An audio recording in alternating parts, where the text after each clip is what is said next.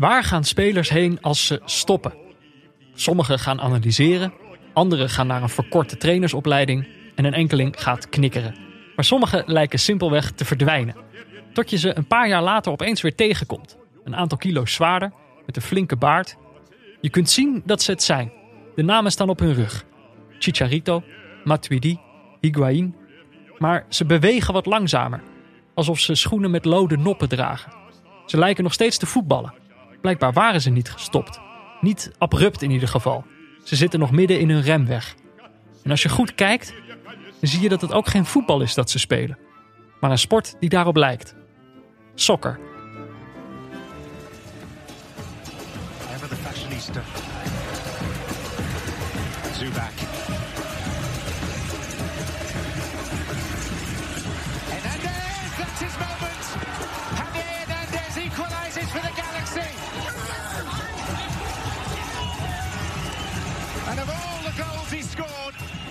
70 clubs over so many seasons.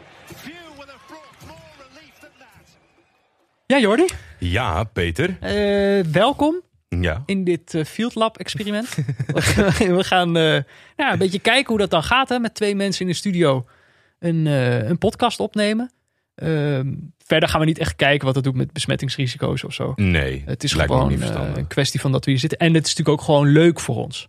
Dat is ook belangrijk. Dat is heel belangrijk bij alle overwegingen die we op dit moment maken. Ja, Toch? nou, het is de kern van een Field Lab volgens mij. Dat Ja. het leuk, leuk moet zijn voor Dag mensen. en Nacht heeft eh 2 miljoen gekregen voor PCR-testjes bij de deur. Voor deze aflevering. deze ene test. Eh, en daar maken wij gretig gebruik van. Ja, zeker. Ik had nog een andere alternatieve opening bedacht. Namelijk dat dit niet langer neutrale kijkers is, maar super neutrale kijkers. dat we ons hebben afgescheiden. Dat we naar een, eh, weet ik veel, naar een andere, dat we het gewoon zelf zijn gaan doen. Ja, nou ja, op zich geen gekke gedachte natuurlijk. Toen we ooit begonnen was er niks. Nee, precies. En nu zijn er genoeg eh, eh, eh, podcasts eh, om, om ons vanaf te eh, scheiden. Ja, precies. En we hebben gewoon geen, en we hebben eigenlijk geen zin meer om de concurrentie aan te gaan met andere voetbalpodcasts. Nee. Dus we, we willen gewoon eh, een podcast kunnen maken zonder die zorgen. Ja, en dat is ja, aan, de, aan de ene kant zou je denken van eh, waarom ga je die concurrentie uit de weg, zeg maar? Want het is natuurlijk eh, een ander playing field. Mhm. Maar ja, je kan het maar beter gewoon niet hebben.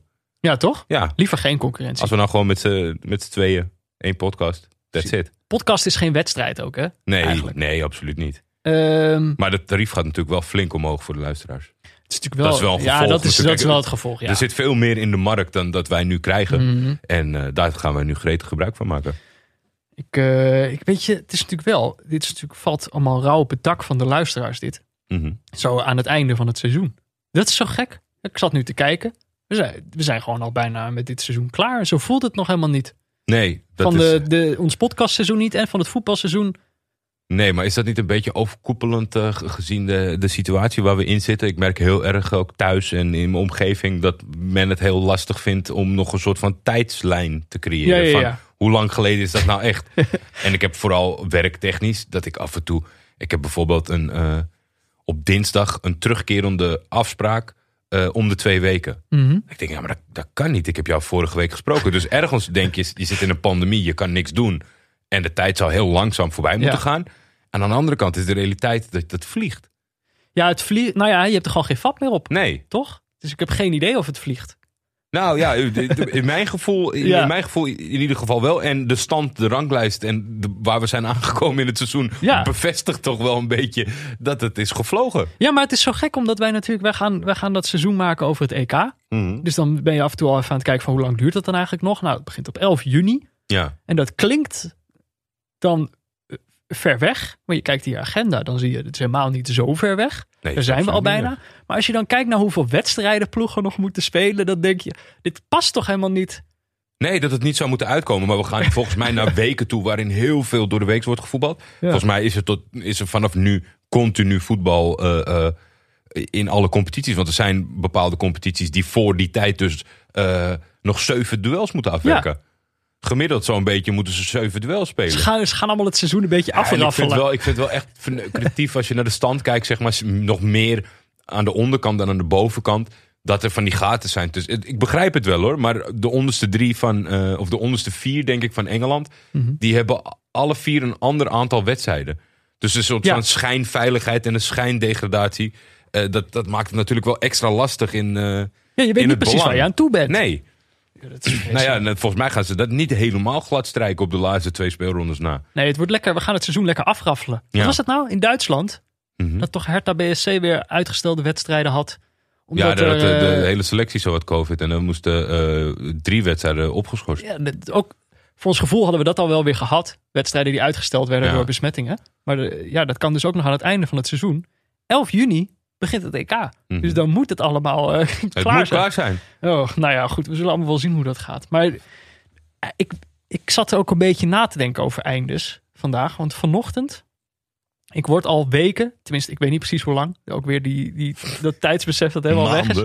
Maanden. Al jaren word ik 's ochtends wakker. Door de, door de schilders die op dit moment in onze binnentuin alle kozijnen opnieuw aan het schilderen zijn. Oh, dat is fijn. En ik woon in zo'n, ik woon in een, eh, in een monument. Dus dan van vastgelegd welke kleuren de kozijnen moeten hebben. Ja, dat Dus is heel dan streng. ja, dus dat is dan een hele, hele, hele Ja, mag ook niet. speciale klus. Ik mag het niet zelf schilderen. Nee, je mag ook niet zomaar wat aan de muur eh, schroeven en zo. Nee. Aan de buitengevel. Nee. Dus het is allemaal heel. Maar er zijn nu al dus. Ja, eh, eh, eeuwen zijn al schilders bezig om die, die kozijnen te schilderen. En ik word dus iedere ochtend wakker. Die beginnen heel vroeg. Klopt. Staan heel vroeg op. Boeren staan vroeg op. Schilders ook, heb ik gemerkt. Eh, dus ik word elke ochtend al wakker. Dus een van die, die, die mannen die dat doet, heeft gewoon een ongelooflijk harde stem. Ja, ik kan me voorstellen. En die is gewoon eh, echt 's ochtends om, om, om zeven uur. En dan de eerste paar keer is dat heel irritant. Dan denk je, er staat, wie staat er nou te schreeuwen in de binnentuin? Doe even normaal, man. Het is zeven uur. Iedereen is thuis, want je kan namelijk niet de hele tijd... eh, doe even rustig. Maar na een tijdje ga je toch een beetje... Ben je klaar Hechten. voor het vertrek van, eh, van deze nee, schilder? nee. Nee? Ze waren vanochtend dus opeens... Ze hebben allemaal stijgers opgezet in die binnentuin... om, eh, om bij de bovenste kozijnen te kunnen. Waren ze dan opeens aan het opruimen. dacht ik, wat zijn jullie nou aan het doen? jongen? Jullie gaan toch niet weg? Het is nog niet klaar. Nee, ze zijn volgens mij nog niet helemaal klaar. Dus misschien zijn ze er nog wel een paar dagen. Maar volgens mij in de binnentuin is bijna alles. Nog is het eh, een beetje een terpentine op een doek. En dan ben jou gewoon wat vegen. Dan moet hij weer terugkomen. Misschien is het eh Stockholm-syndroom. Ja, laat het wel zijn. Ik wilde wel. eh, het is, het is een, wij zitten niet eh, qua mijn werk in, in de schildersbranche, maar wel in de bouwbranche. Dus het is Mhm. natuurlijk wel vaak eh, een, een. Mensen vinden het lastig. En zeker in deze tijd natuurlijk. Dat je 's ochtends vroeg eh, aanwezig bent en, en lawaai maakt. Maar ja, het is natuurlijk niet, eh, niet helemaal hoe het bedoeld is om 's ochtends om 7 uur keihard te gaan lopen roepen.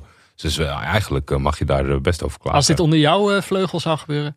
Nou ja, weet je- zeker. Want die hebben ook van die boomboxen die ze allemaal gebruiken Ja, op de bouw. nee, en die zetten ze gewoon de hele dag, weet je. Maar dat zijn op een gegeven moment, ja, weet je, je gunt iedereen wat. Maar ik weet gewoon dat daar bij veel bedrijven zijn er gewoon regels over gekomen. Omdat dat had je ook nog eens te maken met diverse groepen eh, werknemers. Mhm. Die diverse radiozenders gingen opzetten in zo'n binnentuin de hele dag.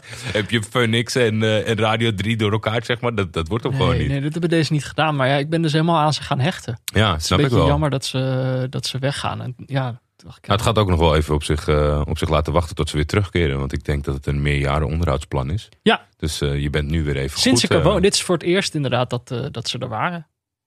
Maar ik hoop, het is een beetje net als met... eh, Heb je binnen niks te doen voor ze? dat je ze gewoon privé Nou, gaat boeken. Ja, ze hebben ook eh, alle trappenhuizen hebben ze ook gedaan. Ze hebben, Ja. eh, ze hebben echt, het was een flink, flink project. Dus het was ook wel. het wa- het waren ook de hele tijd dezelfde, dezelfde paar gasten die deze hele klus hebben gedaan. Maar dat is dan ook weer waar ze bij ons. goed werk afgeleverd? Ja, Ja? ja, vind ik wel. Oké. En maar ook, ook gewoon.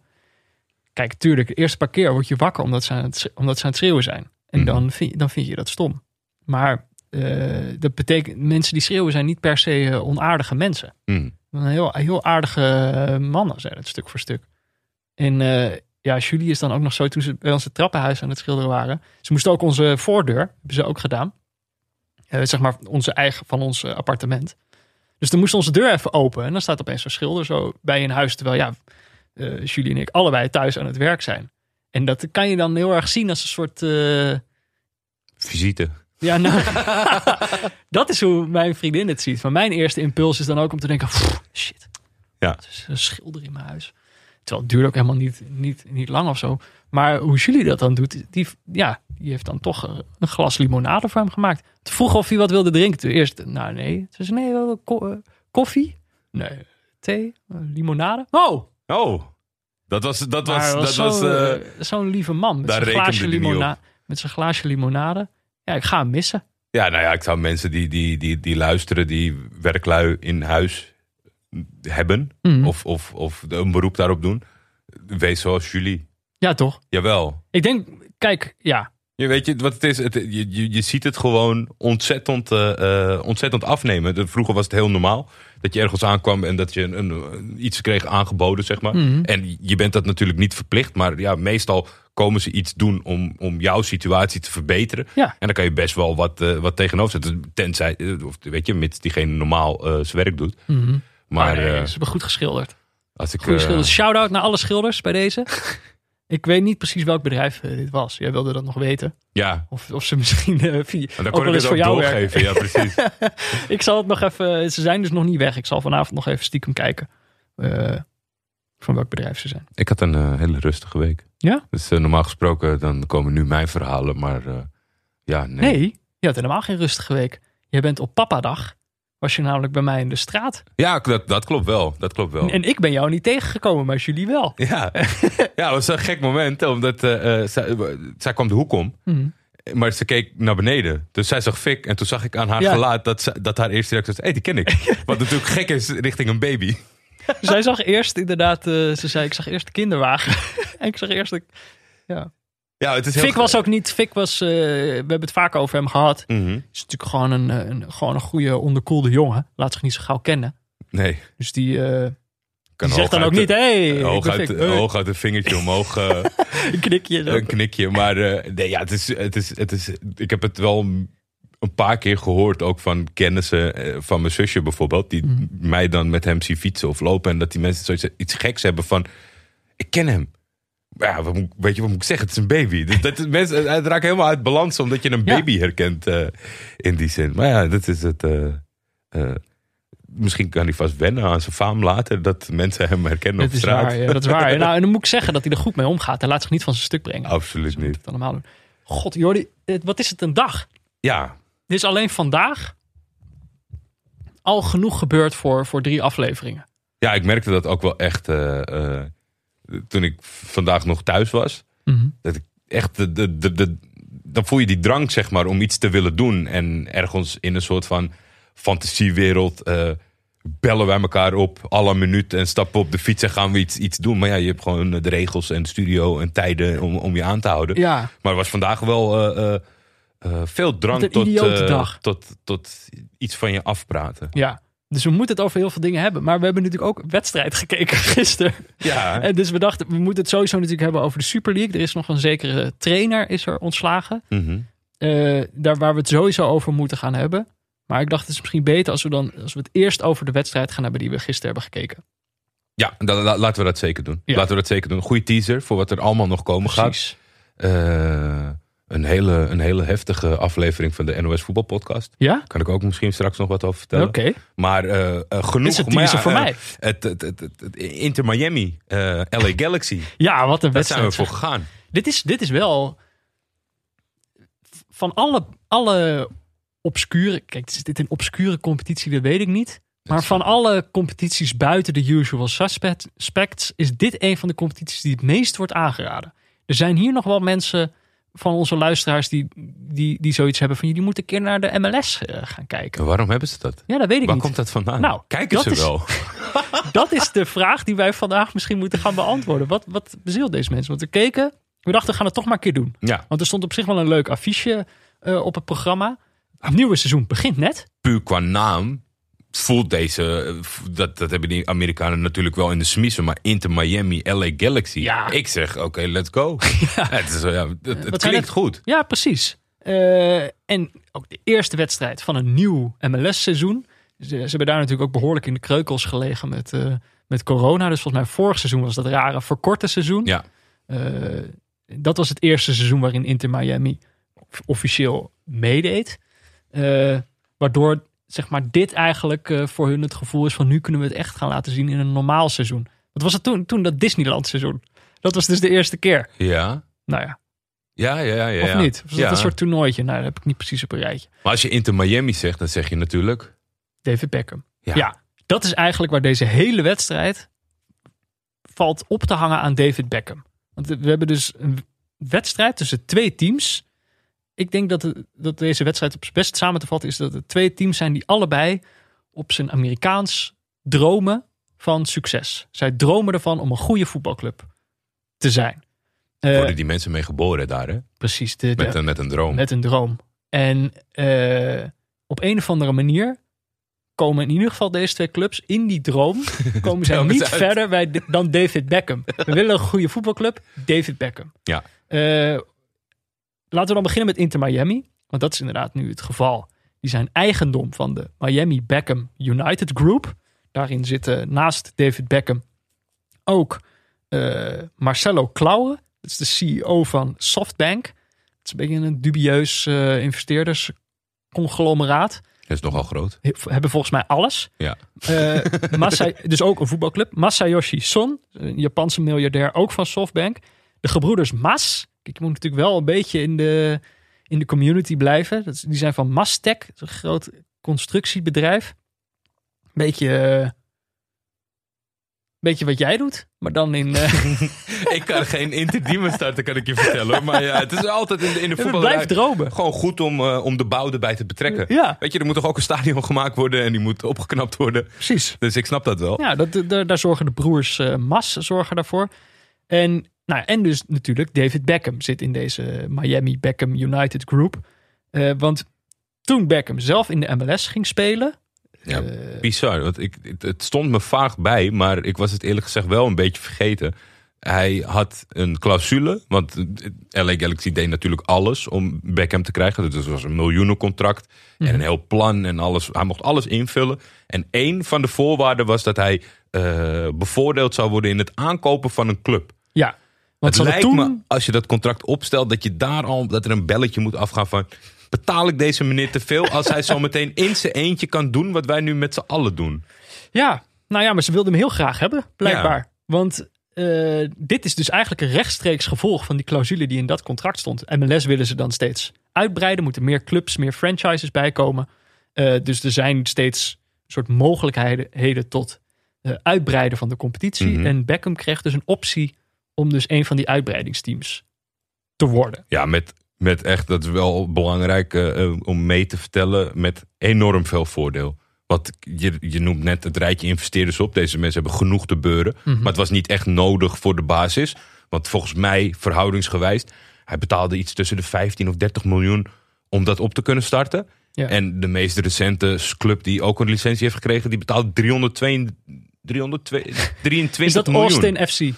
Nee, of Oh. die andere volgens mij. Charlotte kan ook. Oh, ja. Maar die andere, die zitten allemaal in de 300 miljoen, zeg maar, range. En hij had Deze had mij... de David Beckham deal. Ja, dus dat was, dat was wel echt een absurd voordeel wat ze hem hebben gegeven. De, de Euroknallenclub. Eh nou ja, kijk, toen had hij dus die clausule. Het duurt nog wel eventjes voordat je dan zo'n eh, club hebt opgericht. In 2013 begonnen ze met de pogingen. En pas in 2018 werd de licentie eh, vergeven. En nou ja, vanaf dat moment had dus Miami, want dat is de plek die ze hadden uitgekozen voor deze club. Eh, voor het eerst sinds 2001 weer een profvoetbalclub. Schijnbaar ooit eh, de Miami Fusion is er ooit geweest. Wie zijn in kent ze niet? twee- eh, 2001 zijn ze gestopt. Ja. Eh, een groot gat achtergelaten in de stad. Wat nu eindelijk weer wordt, wordt opgevuld door Inter Miami. Eh nou ja, het eerste seizoen in de MLS, wat dus het verkorte COVID-seizoen van vorig jaar was, vestigden ze gelijk een record. Dus het is niet zomaar een club.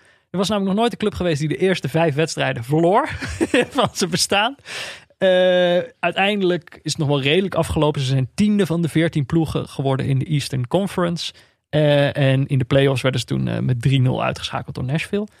Dus nou, het was uiteindelijk niet, niet één groot horrorseizoen, maar ook geen, niet het grote succes waar ze misschien van hadden gedroomd. En daarom was eigenlijk dit seizoen David Beckham dacht, nu moet ik iets meer op de voorgrond staan. Heeft hij blijkbaar vorig jaar niet gedaan. Eh, hij wilde het iets serieuzer aanpakken. Iets meer een hands-on eh, aanpak. Eh, dus de, de trainer vloog eruit. Ze hebben Chris Henderson van Seattle gehaald als sporting director. Als vervanger van Paul McDonough. Kijk, ik weet natuurlijk niet wie dit zijn. Maar dat is dus de gast die ze een jaar eerder hadden gehaald van Atlanta United, de oude club Van Frank de Boer. Toen regerend kampioen. Ja, dat ze gewoon, nou oké, wij halen wij eh, de sporting director van de regerend kampioen. Heel veel bombari, jaar later, niks, gewoon ontslaan ze die weer, halen ze een andere van. Ja, maar jaren Seattle. gehad, Peter. Dan kun je toch wel gewoon een club eh, neerzetten? Ja, nou, als dat niet lukt, eh, dan heb je, heb je Ja. gefaald in de ogen van, van David Beckham. En ze hebben dus de trainer eruit gedonderd. En dan moet je een nieuwe trainer hebben. En dan maak je een profiel op. En dan kijk je van, nou, wie past eigenlijk in de identiteit die wij als club hebben bedacht. En dan uiteindelijk bel je toch gewoon een vriend van vroeger. zo, zo gaat dat. Ja, Phil de, Neville. de ex-bondscoach van de Engelse vrouwen. Die, eh, die staat daar langs de lijn. Ja, dit is zijn Eh. eerste, eerste club. eh, of zijn eerste eh, job als clubmanager. Ja, hij was volgens mij met zijn broer mee bij de deceptie van Valencia. Ja. En toen ging hij natuurlijk naar de, naar de bondscoach eh, van de vrouwen in, eh, in het thuisland. En eh, het enige, ik, tussen de regels door in, in de voorbereiding van, want het was een hele ruime eh, voorbereiding Mhm. gisteren op de wedstrijd. Ik weet dan niet of zo'n hands-on beslissing, of dat dan helemaal weer voor Hollywood is of niet. Het ging daar veel over. Eh, er gaat geen dag voorbij dat David niet op de club is en, en alles controleert. Ik denk, ja, eigen, het eigenaar zijn is toch ook veel delegeren en aan goede mensen geven. En dat is alleen maar optisch voor de buitenwereld. Dat je dan daar binnenkomt en de stoeltjes recht gaat zetten elke Ja. dag, weet je. Nee, dat is, ze, de PR hadden ze goed op orde bij eh, Inter Miami. nou ja, daar eh, kunnen we misschien zo filmpjes. meteen, eh, zo meteen nog wel meer over hebben. Maar dat is, dat is natuurlijk Amerika voor mij. Ja, Als marketing. ik, als ik dit zie, het shirt is prachtig, het logo is bedacht, de kleurencombinatie is scherp. Het, het klopt Roze? allemaal. Roze, wit, Ja. zwart. Ja, Nou, een soort donkergrijs eigenlijk. Ja, maar ik, weet je, de, de club verzinnen, dat doen ze wel bij, de, bij, de, bij, de, eh, bij het headquarter van het marketingbureau. Ja. Maar ja, dan zal snel blijken dat een club neerzet is niet alles wat je moet doen. Nee.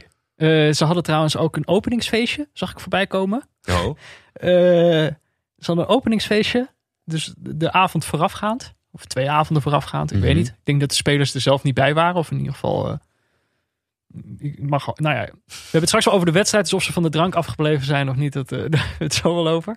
Eh, maar op dat feestje waren dan onder andere Pharrell, Future, Chris Rock, Bad Bunny was er ook. oh. Dus de gastenlijst hadden ze goed op orde. Er staan dan grote namen, zeg maar, daar hebben ze grote namen te pakken gekregen. Eh, ja, maar zo gaat dat dan toch, weet je wel. Bij, Ja, PS, zo, zo. bij PSV, als je iets te vieren hebt, dan nodig je Guus Meeuwis uit. En als je in Miami iets te vieren hebt, dan komt Pharrell. Ja, dat, ja, maar ja, het, ja identiteit hè. Misschien, misschien maakt Guus het, het, hetzelfde los als een Pharrell bij de ik lokale ja. mensen. Dat is niet. altijd lastig inschatten. Geen idee. Tom Brady zat gisteren op de tribune. Ja, Kijk, dat is natuurlijk wel. Volgens dat was mij, ook, Beckham haalde dan allemaal mensen aan, eh, een soort iconen uit de, uit de sport, waarvan hij zegt, die, zijn alleen, die hebben alleen de top bereikt door ook hard te werken. Dit was zo'n heel PR-filmpje was dat. Ja, Dat hij dan inderdaad zo'n lijstje had waarvan je dacht, ja, dit is echt exact samengesteld door Tom Brady te noemen, die nu natuurlijk in Florida eh, de American voetbalspeler is. Ja. Maar ook LeBron werd dan genoemd, wat het dan natuurlijk een, een, een basketballer is. Dan heb je die ook even genoemd. Maar dan ook even Messi en Ronaldo, want die kennen ze dan waarschijnlijk nog wel in de, in de USA. Ja, maar het is dan ook gewoon, dat, is, dat is, zit volgens mij ook helemaal in het, in het concept verwerkt van waar moeten we die club starten. Want dit is natuurlijk een zonnige plaats waar veel artiesten zijn. Dus dan kan je dat de hele tijd zo naar Ja. voren blijven schuiven. Memphis gaat er op vakantie. Ja, nou, dat ben, ben je er al. Eigenlijk ben je er dan al. Als we dan naar de andere club gaan. Want eigenlijk, dit is dus, hier wordt de droom gestart. Deze club begint en probeert eh, inderdaad met, die proberen, eh, die dromen nog. Maar op een gegeven moment kom je natuurlijk in de werkelijkheid terecht. Dan is die droom voorbij. Daar zit LA Galaxy nu. Dat is een beetje de tegenstelling van vandaag. Die hebben namelijk David Beckham, de, de, de Beckham-era, hebben zij al achter de rug. Eh, die club bestaat al wat langer, 1994. Eh, maar in 2007 hebben ze hem echt voor een hele dikke stapel eh, Herbalife geld. Dat werd toen de sponsor. Meteen nadat, met dat sponsorgeld hebben ze toen Beckham gehaald. Hebben ze hem gehaald van Real Madrid. Even toch het geheugen opfrissen, iedereen weet het wel. Maar daarmee werd dus dat nieuwe tijdperk van LA Galaxy ingeluid. Ruud Gullit, toen ook nog de trainer. Ja. Landon Donovan is later nog gekomen. Robbie Keane kwam volgens mij een seizoen later. Nou, ze werden twee keer kampioen. Eh, twee keer, zeg maar, ja, in die competitie opzet kun je zowel eerste worden als winnaar van de play-offs. ja. Dus ze zijn ook twee keer eerste geworden in de competitie. En dus twee keer winnaar van de play-offs. Hoop prijzen. In 2013 vertrekt eh, Beckham daar weer. Die is toen zijn carrière gaan afsluiten bij Paris Saint-Germain. Toen volgens mij nog een wedstrijdje of tien gespeeld. Het moest nog sympathieker. Het cv, moest, het cv moest opgepoetst worden. Ja, het is natuurlijk al heerlijk om even hier tussendoor. Maar het, het, ik- het viel me dan op dat gisteren nog steeds, dat nog steeds de sponsor Herbalife is. Ja, Wat gewoon een piramidespel is. ja, ja. ja. En dat is dan eigenlijk de, de, de, grootste, eh, de grootste factor in het bestaan en in het succes van deze club.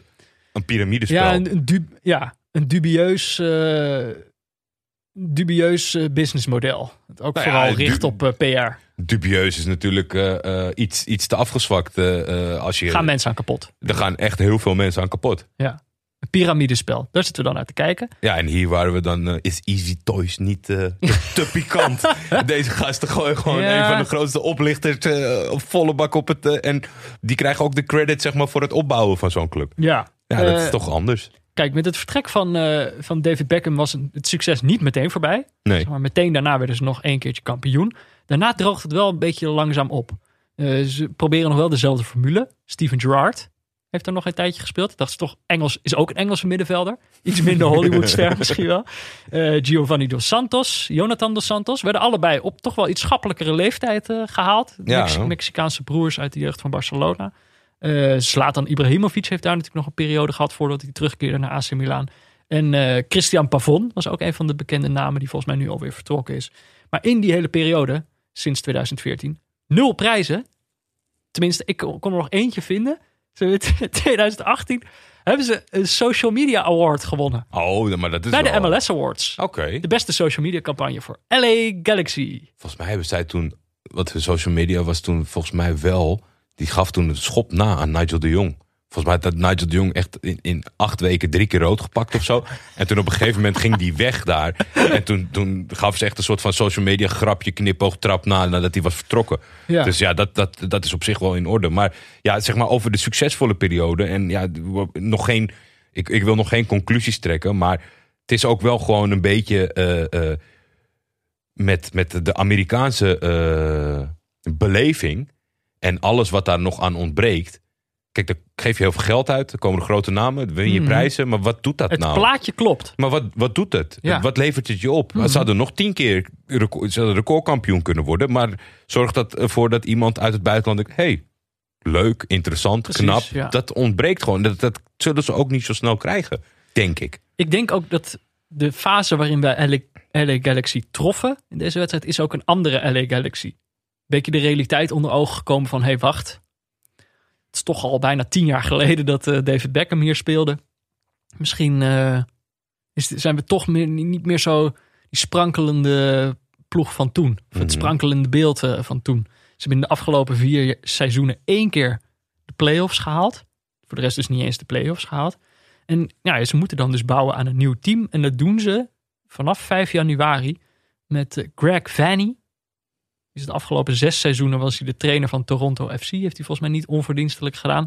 En is oud-speler van LA Galaxy. Ja. Dus dan toch een beetje... Nee, die moet het dan gaan doen. Maar het is wel gek, zeg maar, in de overweging van de mensen die, dit, die, die naar Amerika vertrekken. Dan hoor je heel vaak eh, eigenlijk gewoon een soort van reislust of reiswens. Het zijn, ze veranderen allemaal een soort in de Chris Segers. Die, eh, weet je, het is nooit iemand die zegt van...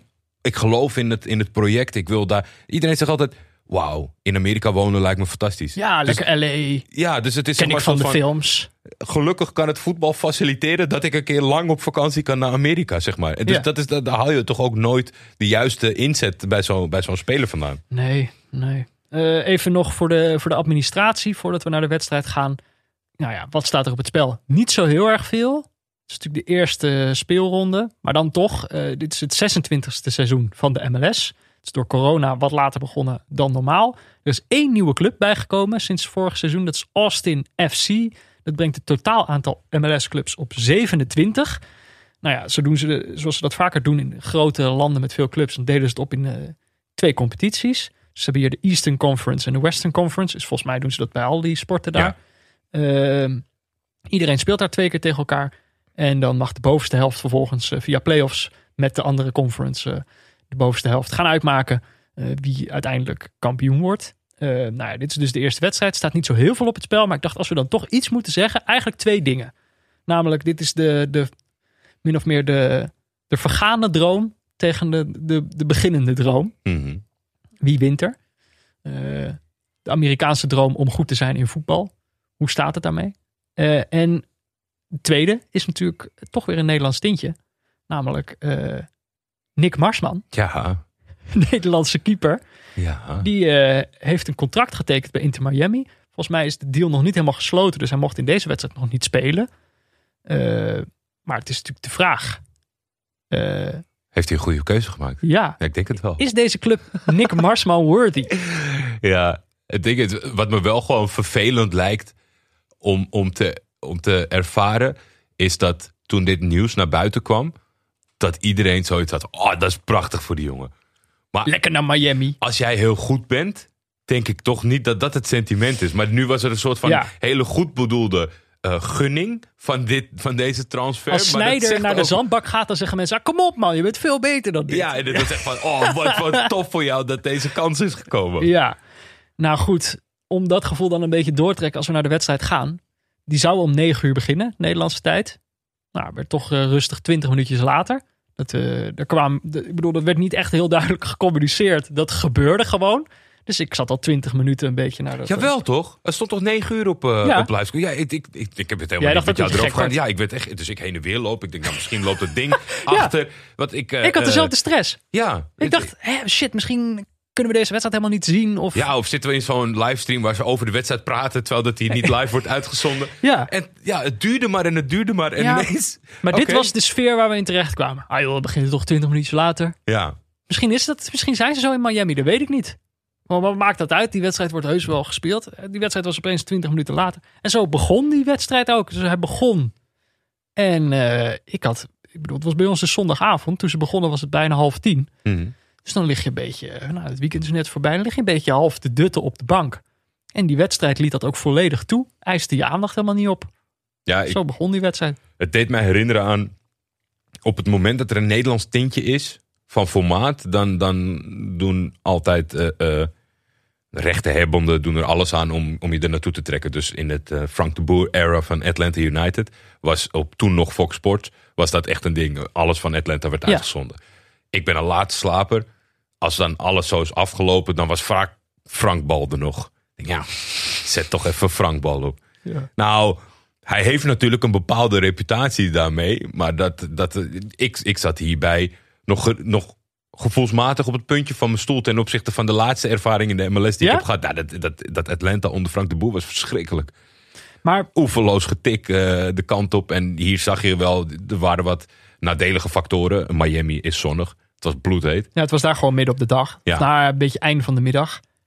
Eh, half, half vier begonnen ze. Zes uur, dat was bij ons zes uur later. Maar toch, ja, het was inderdaad heel heet. Dat, Ja. dat, eh, dat zag je er misschien ook wel een beetje vanaf. Er hadden zelfs drinkpauzes. Ja, hydration break. Eh, was maar- niet gesponsord. Het enige ding was niet, dat kom niet op. was gesponsord. eh, dat, daar kunnen ze nog vast wat mee. Maar kijk, eigenlijk wat er natuurlijk... Er stonden gewoon best wel wat bekende namen op, op het veld. Ja, zeker. Eh, om, om er drie te noemen. Kelvin Leerdam. vier, vier te noemen. Inderdaad, Calvin Leerdam. Die stond eh, bij Inter Miami eh, rechtsback. Ehm, maar ik bedoel, Matuidi. Zeker. Blaise Matuidi stond gewoon op het veld. Dikke Higuain, Hmm. toch? Iedereen kent Higuain nog wel. Hij is geëvolueerd. die is een beetje aan het afteren daar. Maar ook bijvoorbeeld Chicharito. Die is pas eh, 32, maar die stond in de spits bij LA Galaxy. En het is een gekke ervaring om naar die spelers te kijken. Met de herinnering de laatste keer dat je ze zien, hebt, hebt zien spelen. Dus Higuain heb je nog in de Champions League doelpunten zien maken. Eh Matuidi heb je nog echt zien heersen op het middenveld. Niet eens zo heel lang geleden. Chicharito heb je ook echt eh, aan de lopende band doelpunten zien maken. Dat voelt wel wat langer geleden. Was natuurlijk wel andere tijd van, eh, van het Manchester United eh, tijdperk. Maar dat soort spelers te zien met die herinneringen in je hoofd, is dat, is dat toch een heel scherp contrast. Dus ik bedoel, dan is het bijna alsof je daar een soort slow motion voetbal, alsof ze allemaal heel, heel veel zand in hun schoenen hadden, niet meer Ja. hard konden rennen. Ja, er waren voor mij diverse elementen die, die me gewoon afleiden van hoe ik normaal een wedstrijd zit te kijken. Ten eerste, wat ik nog niet vaak had meegemaakt, is ehm, de commentator van PES van Pro Evolution Soccer, die echt commentaar doet. Was een Engelsman, hadden ze Ja, ingevlogen. Jim Beglin. En Ja. ik dacht de hele tijd, hè? Maar het is een soort, je, je, als je dat eh, zo overmatig veel hebt gespeeld als dat ik het heb gedaan, Mhm. je hersenen blokkeren. Want je kan niet, je wil er niet aan geloven dat je naar echt voetbal zit te kijken. Want Jim is niet een echte commentator Ja. voor je gevoel. Ze gaan als warme broodjes over de toonbank, Jury.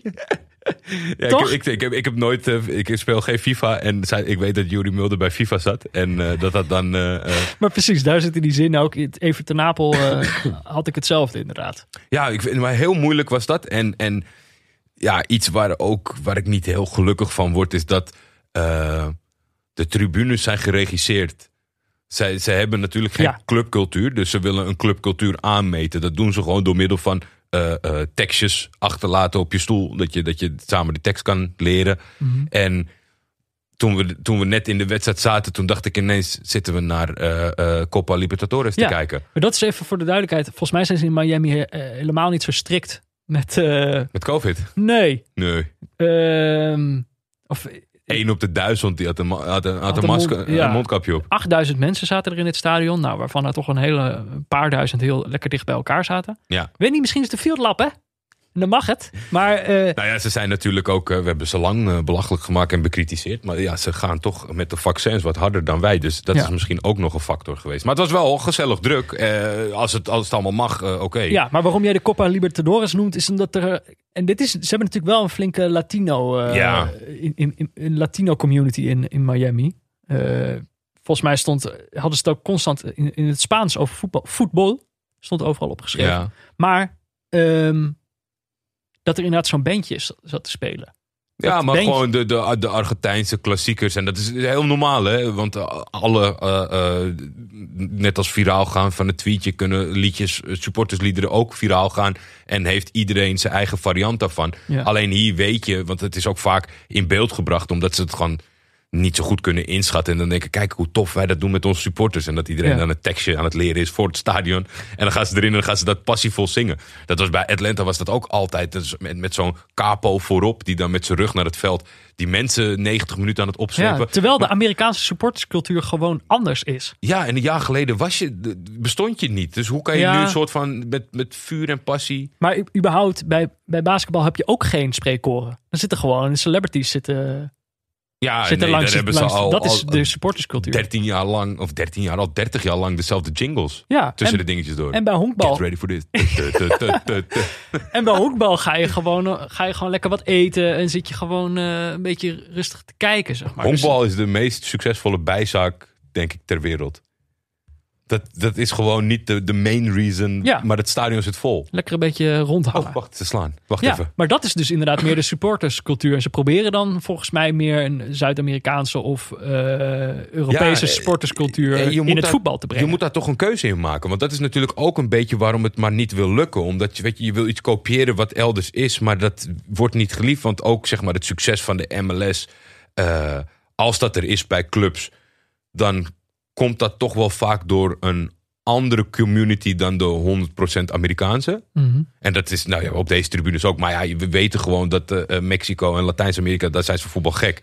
En als ze dan in Amerika wonen, ja, dan is dit het beste alternatief om er zelf ook eens bij te zijn. Ja. Maar dat, dat, ja, dat zorgt natuurlijk een beetje voor eh, ja, scheefgroei of zo. ik heb ook specifieke bezwaar tegen dit soort bandjes op de tribune. Zelfs naar de SS-bando van Eski Sport. Nee, dat vind ik nog een ander verhaal.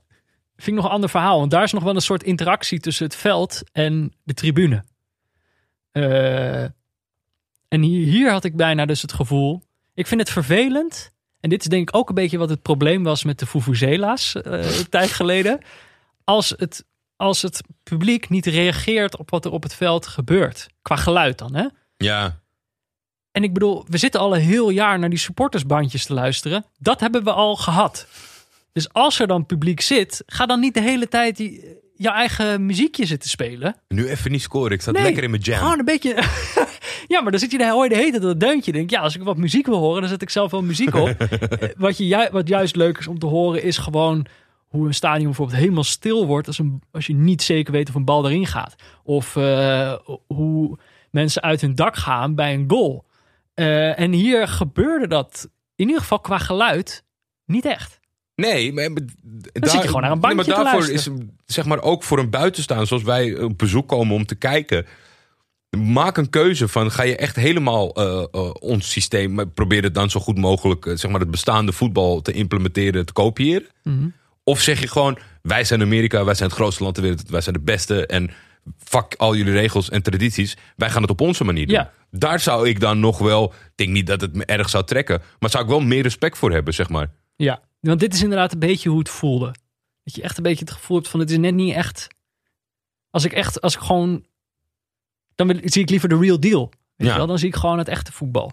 Eh, en dan werd er ook nog eens niet gescoord. De hele eerste helft zo'n beetje. Inter Miami, de betere ploeg. Ik vond het wel grappig om te zien. Volgens mij hebben we dat, heb ik dat toen aangehaald bij eh Suwon. Toen die Aziatische Champions League. Hè, dat je een soort van spelers zag die iets aangeleerd hebben. En dat proberen uit te voeren. Maar zo druk zijn, bezig zijn met het uitvoeren. Dat, je, dat het lijkt alsof je naar een soort van training zit te kijken. Ja, ja, ja. Dat had ik bij Miami ook heel erg. Dat Phil Neville heel veel informatie heeft meegegeven. En dat ze dat plan keurig probeerden uit te voeren. En dat dan de verdettes dat op een iets te langzaam tempo deden. Het bleef heel lang 0-0. Ja, iets te langzaam tempo. Chicharito krijgt op een gegeven moment een steekbal. En je bent gewoon gewend om hem dus keihard te zien sprinten. Om dan gewoon een sprint wel te zien winnen. En hij werd gewoon echt volledig eruit gesprint door die verdediger. Vond ik ontluisterend. Mhm. Maar het bleef heel lang 0-0. Dat was voor de neutrale kijker heel jammer. Maar ook voor het jeugdtraject van de MLS. Ja, van Die- Audi. Die Dit is ook weer gesponsord. Ieder doelpunt dat gemaakt wordt, maakt Audi 500 dollar over aan het jeugdtraject van de MLS. Dus de jeugdopleiding. Ja, die zaten, die zaten lekker. Die zaten met, eh, met de Duitse armen over elkaar van eh, 0-0. Gratis wedstrijd. Heerlijk. 0-0 prima. Tot de blessuretijd van de eerste helft de 1-0 toch valt. Er wordt, een, eh, er wordt opeens een steekbal gegeven op Higuain. Die gaat met zijn lode voeten.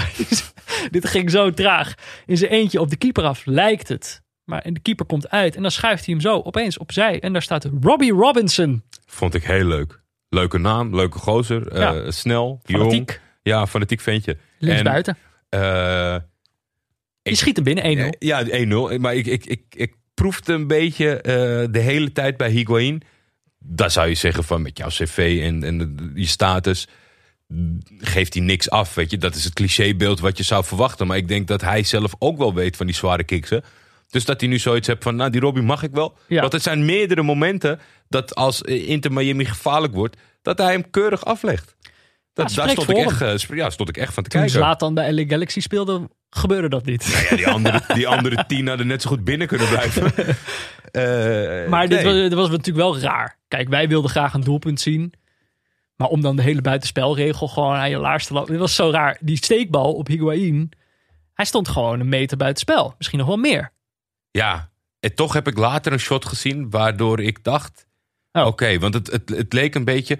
Eerder dit jaar in de Champions League was eh, eh, de uitwedstrijd van Ajax bij Midtjylland. Mhm. En toen ontbrak er een camera om hem recht te trekken. Dus je kon niet vanaf de zijkant recht zien. Dus je Ja. kreeg een soort scheef shot waarin... Was dat ja, hier ook aan de hand, denk je? Dat, dat, was, eh, Oh. dat was in aanloop. Dat ik, ik en volgens mij, ja, we lagen allebei in een deuk van hoe kan dit nou? En ze, ze hebben VAR daar. Dus ze gingen kijken. Ja. En toen de scheidsrechter uiteindelijk wees hij naar de middenstip van het doelpunt. De gasten allemaal juichen. Ik denk, nou, dit is wel heel raar en on-Amerikaans. Dat juist iets wat ze heel goed kunnen, regie. Ja. Die mist nu gewoon een camerastandpunt. En toen in de rust, eh, tijdens die eh, eh, bespreking daarvan, toen liet ze een shot zien van wel dat die haak stond.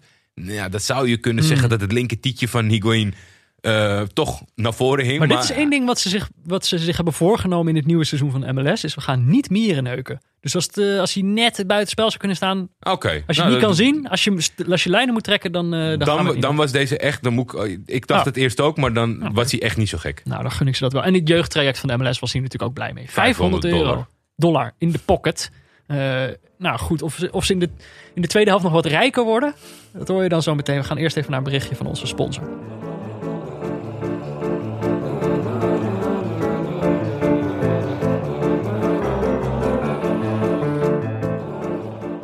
Ja, want ook deze aflevering van Neutrale Kijkers wordt natuurlijk mede mogelijk gemaakt door Auto.nl. De website van Auto.nl garanderen ze nooit meer een miskoop. Nou ja, eh, de transfermarkt is gesloten, maar we hebben het natuurlijk over, al over een transfer gehad. Deze wedstrijd kunnen we het maar over één speler hebben. Transfer is rond. Nick Marsman naar Inter Miami. Ja, Ja, Jordi, dan wil ik van jou weten. Is dit een miskoop of niet? Is dit eh toppie of floppy? Ik weet niet. Eh, Doe ik het altijd vanuit de, vanuit de club of, of vanuit de speler?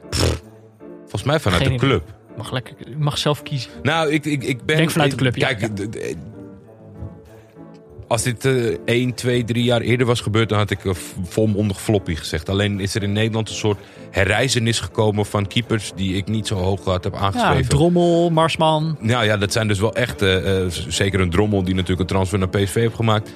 Dat zijn wel jongens die ik eh, flink had afgeschreven. En die zich toch hebben weten te herpakken. Nou ja, Ja. het, het, het, laat vooral zien dat... eh, weet je, als auto kies je je eigenaar niet. En het kan gek lopen. En voor je het weet, eh, koopt David Beckham je alsnog. Mhm. Want ja, weet je, de, de- de jongen van Twente, Jong Twente, FC Utrecht, Jong FC Utrecht, dat zat er allemaal niet in. Feyenoord in, in redelijk geldnood nam hem erbij om, om Bijlo te kunnen eh, ondersteunen en op te vangen. Dat heeft hij een paar keer uitstekend gedaan. Ja. En zo'n jongen is dan toch mega interessant eh, eh, voor, die, voor die Amerikaanse markt. Dus ik zeg voor beide toppie. Oké, nou, dat is ook wel eens leuk om mee te maken. Ja, Mocht ik moet zeggen, de eerste helft hebben we natuurlijk de keeper van Inter Miami niet veel in actie gezien. Nee, Dus- sterker nog, Op dit moment kan ik nog niet beoordelen of hij de concurrentiestrijd gaat volgens winnen. mij, en dit, ik heb dit niet gecheckt, maar voor mijn gevoel had hij echt pas een minuut voor de rust voor het eerst de bal in zijn handen. Ja, nee, ah, Miami was de betere. Ja, Dus ja, dat eh, is een lekker vooruitzicht. Kan dat, zou dat kunnen zijn voor Nick Marsman, dat je het niet te druk krijgt. lekker rustig. Ehm, nou ja, mocht je de hele situatie willen voorkomen en dus überhaupt niet de vraag willen stellen of iets toppie of floppy of miskoop of niet wordt, dan moet je natuurlijk gewoon naar auto.nl gaan. Auto.nl slash neutrale kijkers. Nou Jordi, de tweede helft. Mhm. Ik kon me gewoon tijdens het kijken niet voorstellen dat dat dezelfde wedstrijd was. Toch? Er was iets... eh, Ja, Er was iets het, veranderd. het, het liet, het liet even op zich wachten. Eh, de, de, de trainer eh, Vanny had, had ingegrepen. mhm, Zo, ik, een van dubbele, LA Galaxy. van Ja. LA Galaxy. Een dubbele wissel eh, rond, eh, na, na een kwartiertje spelen. Want de opening was natuurlijk nog wel een beetje veel van hetzelfde. Hetzelfde spelbeeld. Inter Miami, de, de betere. En ja, LA Galaxy... het gevoel dat Greg Fanny het nog eventjes aankeek. Ja, nog heel even. En dat vind ik ook altijd wel. Dat vind ik toch altijd wel fijn als trainer. Het moet ook allemaal niet te lang duren. Maar toch, weet je, als jij in de rust kritisch bent geweest op een ploeg, dan moet je minimaal Ja, even geven dat die jongens die je op hun falie hebt gegeven, dat ze ook wat gaan, wat anders kunnen laten zien. Maar eh, want wat hij volgens mij deed, ja, Chicharito stond heel lang als enige spits voorin. Dat Mhm. ging totaal niet goed. Die kon geen bal bij zich houden, won geen enkele sprint. Eh, Heeft geen kans gehad in de eerste helft. Eentje misschien, die nam die dan volledig verkeerd aan. Hij had niet Chicharito er vanaf, maar hij zet er eigenlijk een spits bij.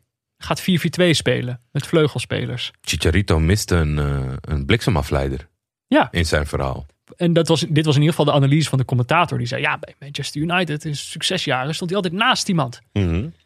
Nou, en dat gebeurde dus eh, in deze wedstrijd. En vanaf dat moment zaten we gewoon naar een totaal andere wedstrijd. Vier minuten na de invalbeurt eh, van de bliksemafleider, die eh Ethan Zubak is, op aangeven van hem al meteen scoorde Chicharito, Ja. de 1-1. Hij wordt nog steeds, hij wordt nog steeds zo gelukkig van een doelpunt maken. Dat vond ik wel tof om Ja. te zien. Ik had hem precies weer gemist, dus ik moest het doen met de herhaling. Dat is ook bijzonder. Denk, Ja. je, denk je dat je naar een wedstrijd zit te kijken waarin niks gebeurt? en dan mis je precies de goal. Maar ik had nog niet door dat Greg Fanny deze wedstrijd naar zijn hand eh, aan het zetten was. Maar wat een goal. Ja, Toch? Het spits, ik, ik, ik was geschokt toen ik hem zag sprinten. Maar dat spitseninstinct verlies je nooit. Nee, dat is ook wel grappig, zeg maar, als je bekritiseert dat hij in de eerste helft wordt hij ingehaald en dat soort dingen. Kijk, dit gaat ook om handelingssnelheid, maar Ja. niet meer over de lange afstand. En dan zie je dat als hij eh, in zijn voeten wordt aangespeeld en kort moet wegdraaien bij zijn tegenstander, Ja. dat zal hij blijkbaar, eh, weet je, dat zal, hij- dat zal hij blijkbaar nooit verleren. Want dit was echt patpoem. Vond het echt een magnifieke goal. Ja, perfecte spitse goal. schijnbaar een bevrijdende treffer. Eh, vorig seizoen eh, raakte hij waarschijnlijk, of tenminste als ik de commentator mocht geloven, weinig pepernoten. Mhm. Eh, maar dan is de wedstrijd opeens los. Vijf minuutjes later eh, is het aan de andere kant alweer raak. Lompe overtreding. Ja, lomp. Ja, ook slecht. Begint eigenlijk met een slechte aanname van de aanvaller. Wordt vaak onderschat. De penalty situatie toch begint met een fout van een aanvaller. Waardoor er chaos ontstaat en, eh, en er iemand onderuit gaat. Ja, hij heeft voordeel in het feit dat die bal voor zich uit, dus dat er een onnatuurlijke beweging, waardoor de tegenstander hem Ja. schept. Hij verrast de tegenstander door zichzelf te verrassen. Net op het randje, van, eh, net op het randje maar we hebben net gehoord dat ze niet eh, te moeilijk gaan doen. Maar Nee. volgens mij was het wel voldoende, het- het contact was Ja. voldoende binnen.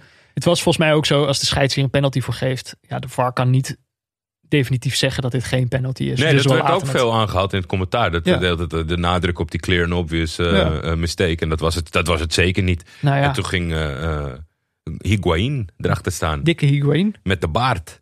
En ik was wel even benieuwd, want hij heeft natuurlijk, het, het, het, het liep voor geen meter afgelopen seizoen. Veel bekritiseerd en belachelijke overtreding gemaakt. Volgens mij mm, meer dan één rode kaart gepakt. Mhm. En eh, ja, deze schoot hij eh, vrij eenvoudig achter keeper eh, Bond Ah, ja, achter. naast. Die keeper, die keeper dook al. Ja, ik vond jou stellig. Ik vond jou stellig. Meteen toen ik de situatie opschreef, schreef jij erachter. Ja, maar die gozer lag al eh, voordat Ja, hij... maar dit kon je in de herhaling nog duidelijker zien. Dus die gast duikt al voordat Higuain überhaupt in de buurt is van de bal. Ja, Jonathan Bond wist zeker dat het de andere hoek ging worden. dus hij hoefde niet langer te wachten. Hij had het wel helemaal mis. Zo, deze jongen heeft een carrière. Niet normaal. Ik, weet- ik word hier altijd heel gelukkig Met de van. keeper. Ja, Watford onder de 18. eh Brackley. eh, Forest Green. FC Dagenham and Red. eh, Bur- Wauw. Bury. Reading. FC Gillingham. is gewoon heel lang de League One West voetbal. Brom.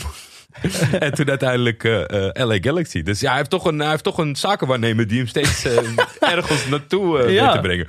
Maar het verklaart, eh, dit rijtje verklaart natuurlijk wel waarom hij zo vroeg in de verkeerde hoek lag. Ja, 2-1 Miami. Nou, Ja. heeft Miami weer, eh, weer, het, weer het voortouw. Maar eigenlijk, kijk, deze penalty was, was vertekenend beeld. Dat LA Galaxy na die, na die wissels, na die dubbele wissel, is gewoon een ander team. Ja. En eh, ze, Miami kon ze niet meer tegenhouden. Dus vijf minuten later was het weer Chicharito. Dit keer, ik vond dit een meer klassiek Chicharito, Chicharito goaltje. Namelijk, die bal valt gewoon voor, voor zijn voeten op een paar meter van de doellijn. Ja, alleen een- maar binnen te- een, in te tikken. afgeslagen poging van een ander. En hij staat precies op de juiste plek op de lijn. eh, en al vallend liggend eh, kan hij hem over de doellijn.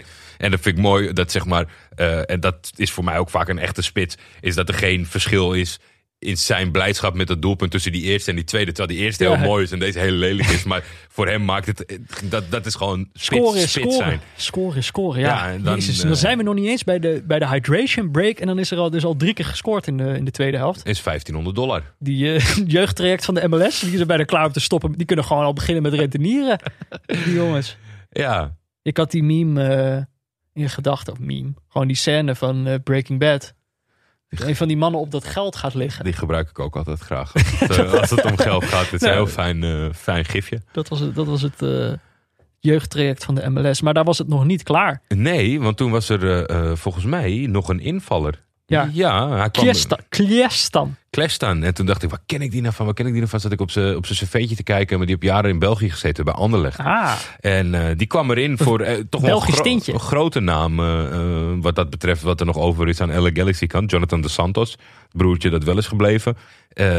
Maar Klestan, die kon hem ja, redelijk vrij inschieten. Ja, het was een af, afdraaiende voorzet die iets te ver afdraaide. Ja, En dan Jet Get, de, een van de aanvallers van, eh, van LA Galaxy, die legt hem zo klaar, randje 16, waar eh Kliestan on, ongestoord gewoon eigenlijk zelf kan binnenschieten. Doet hij nog wel echt eh, netjes ja. binnenkant paal. En in deze tweede helft zag ik ineens heel veel redenen waarvoor het en voor Nick Marsman en voor Inter Miami toppie zou kunnen zijn. Ja, zeker. Ja toch? Dit gaat hier wel winnen, deze, deze strijd. Deze keeper was niet zo best. En ik vond dit eigenlijk, ik moet dus zeggen, de wedstrijd draaide dus om. Eerste helft was het gewoon...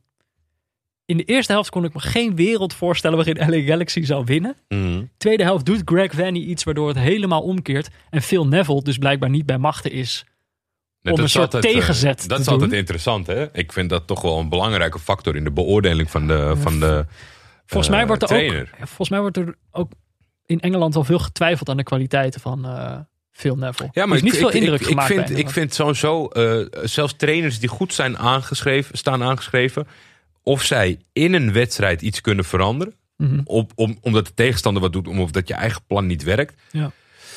Ik zie dat niet zo heel vaak. En ik vind het altijd wel knap als iemand dat beheerst. Want dat lijkt mij, zeg maar, weet je, het gaat natuurlijk vaak over een trainer stuurt ze de wei in. En hoeveel procent heb je dan nog invloed? En, en weet je, dat soort zaken. Ja. Maar je kan, je zou moeten ambiëren om heel veel invloed nog te kunnen hebben. En dat kan op detailniveau zijn. Maar dat, zeg maar, dat je dit ziet. En je ziet het zeg maar helemaal gebeuren. Want voordat het uiteindelijk 2-3 staat, eh, voel je al dat je het aan het verliezen bent, zeg Ja. maar. En dan kan dan soms kan het meezitten dat het misschien in de uitslag niet zo is. Maar als je dan niks, totaal niet bij machten bent om iets aan te passen, waardoor je iets afremt. Want vanaf, eigenlijk vanaf die aanpassing, die penalty is dan gelukkig. Maar kijken we eh, één kant de wedstrijd op. Ja, En daar kan je niks tegen doen. ik vond het wel opvallend. En dat maakte eigenlijk ook...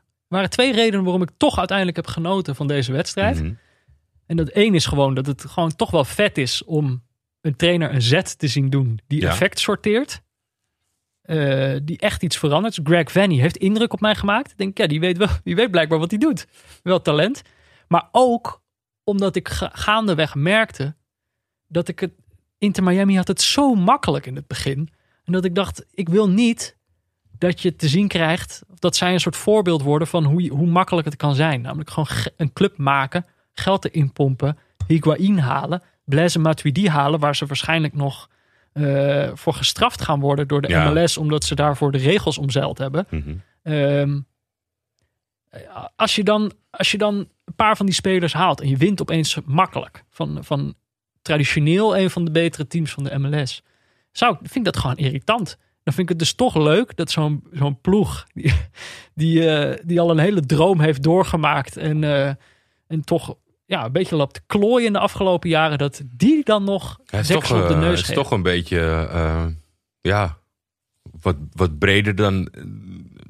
Is, is op dit moment een stuk actueel, zeg maar. Dat, dat, dat er clubs zijn of, of stijlen zijn die uiteindelijk toch dan nog als een soort van de good guy naar boven kunnen komen. Ja, Terwijl LA Galaxy hiervoor Inter Miami was. Even kijken. Twee dingen gingen we naar kijken. Dus Nick Marsman hebben we al beantwoord. Ja. Dit, eh, die komt wel goed. Zeker. Liggen kansen voor hem.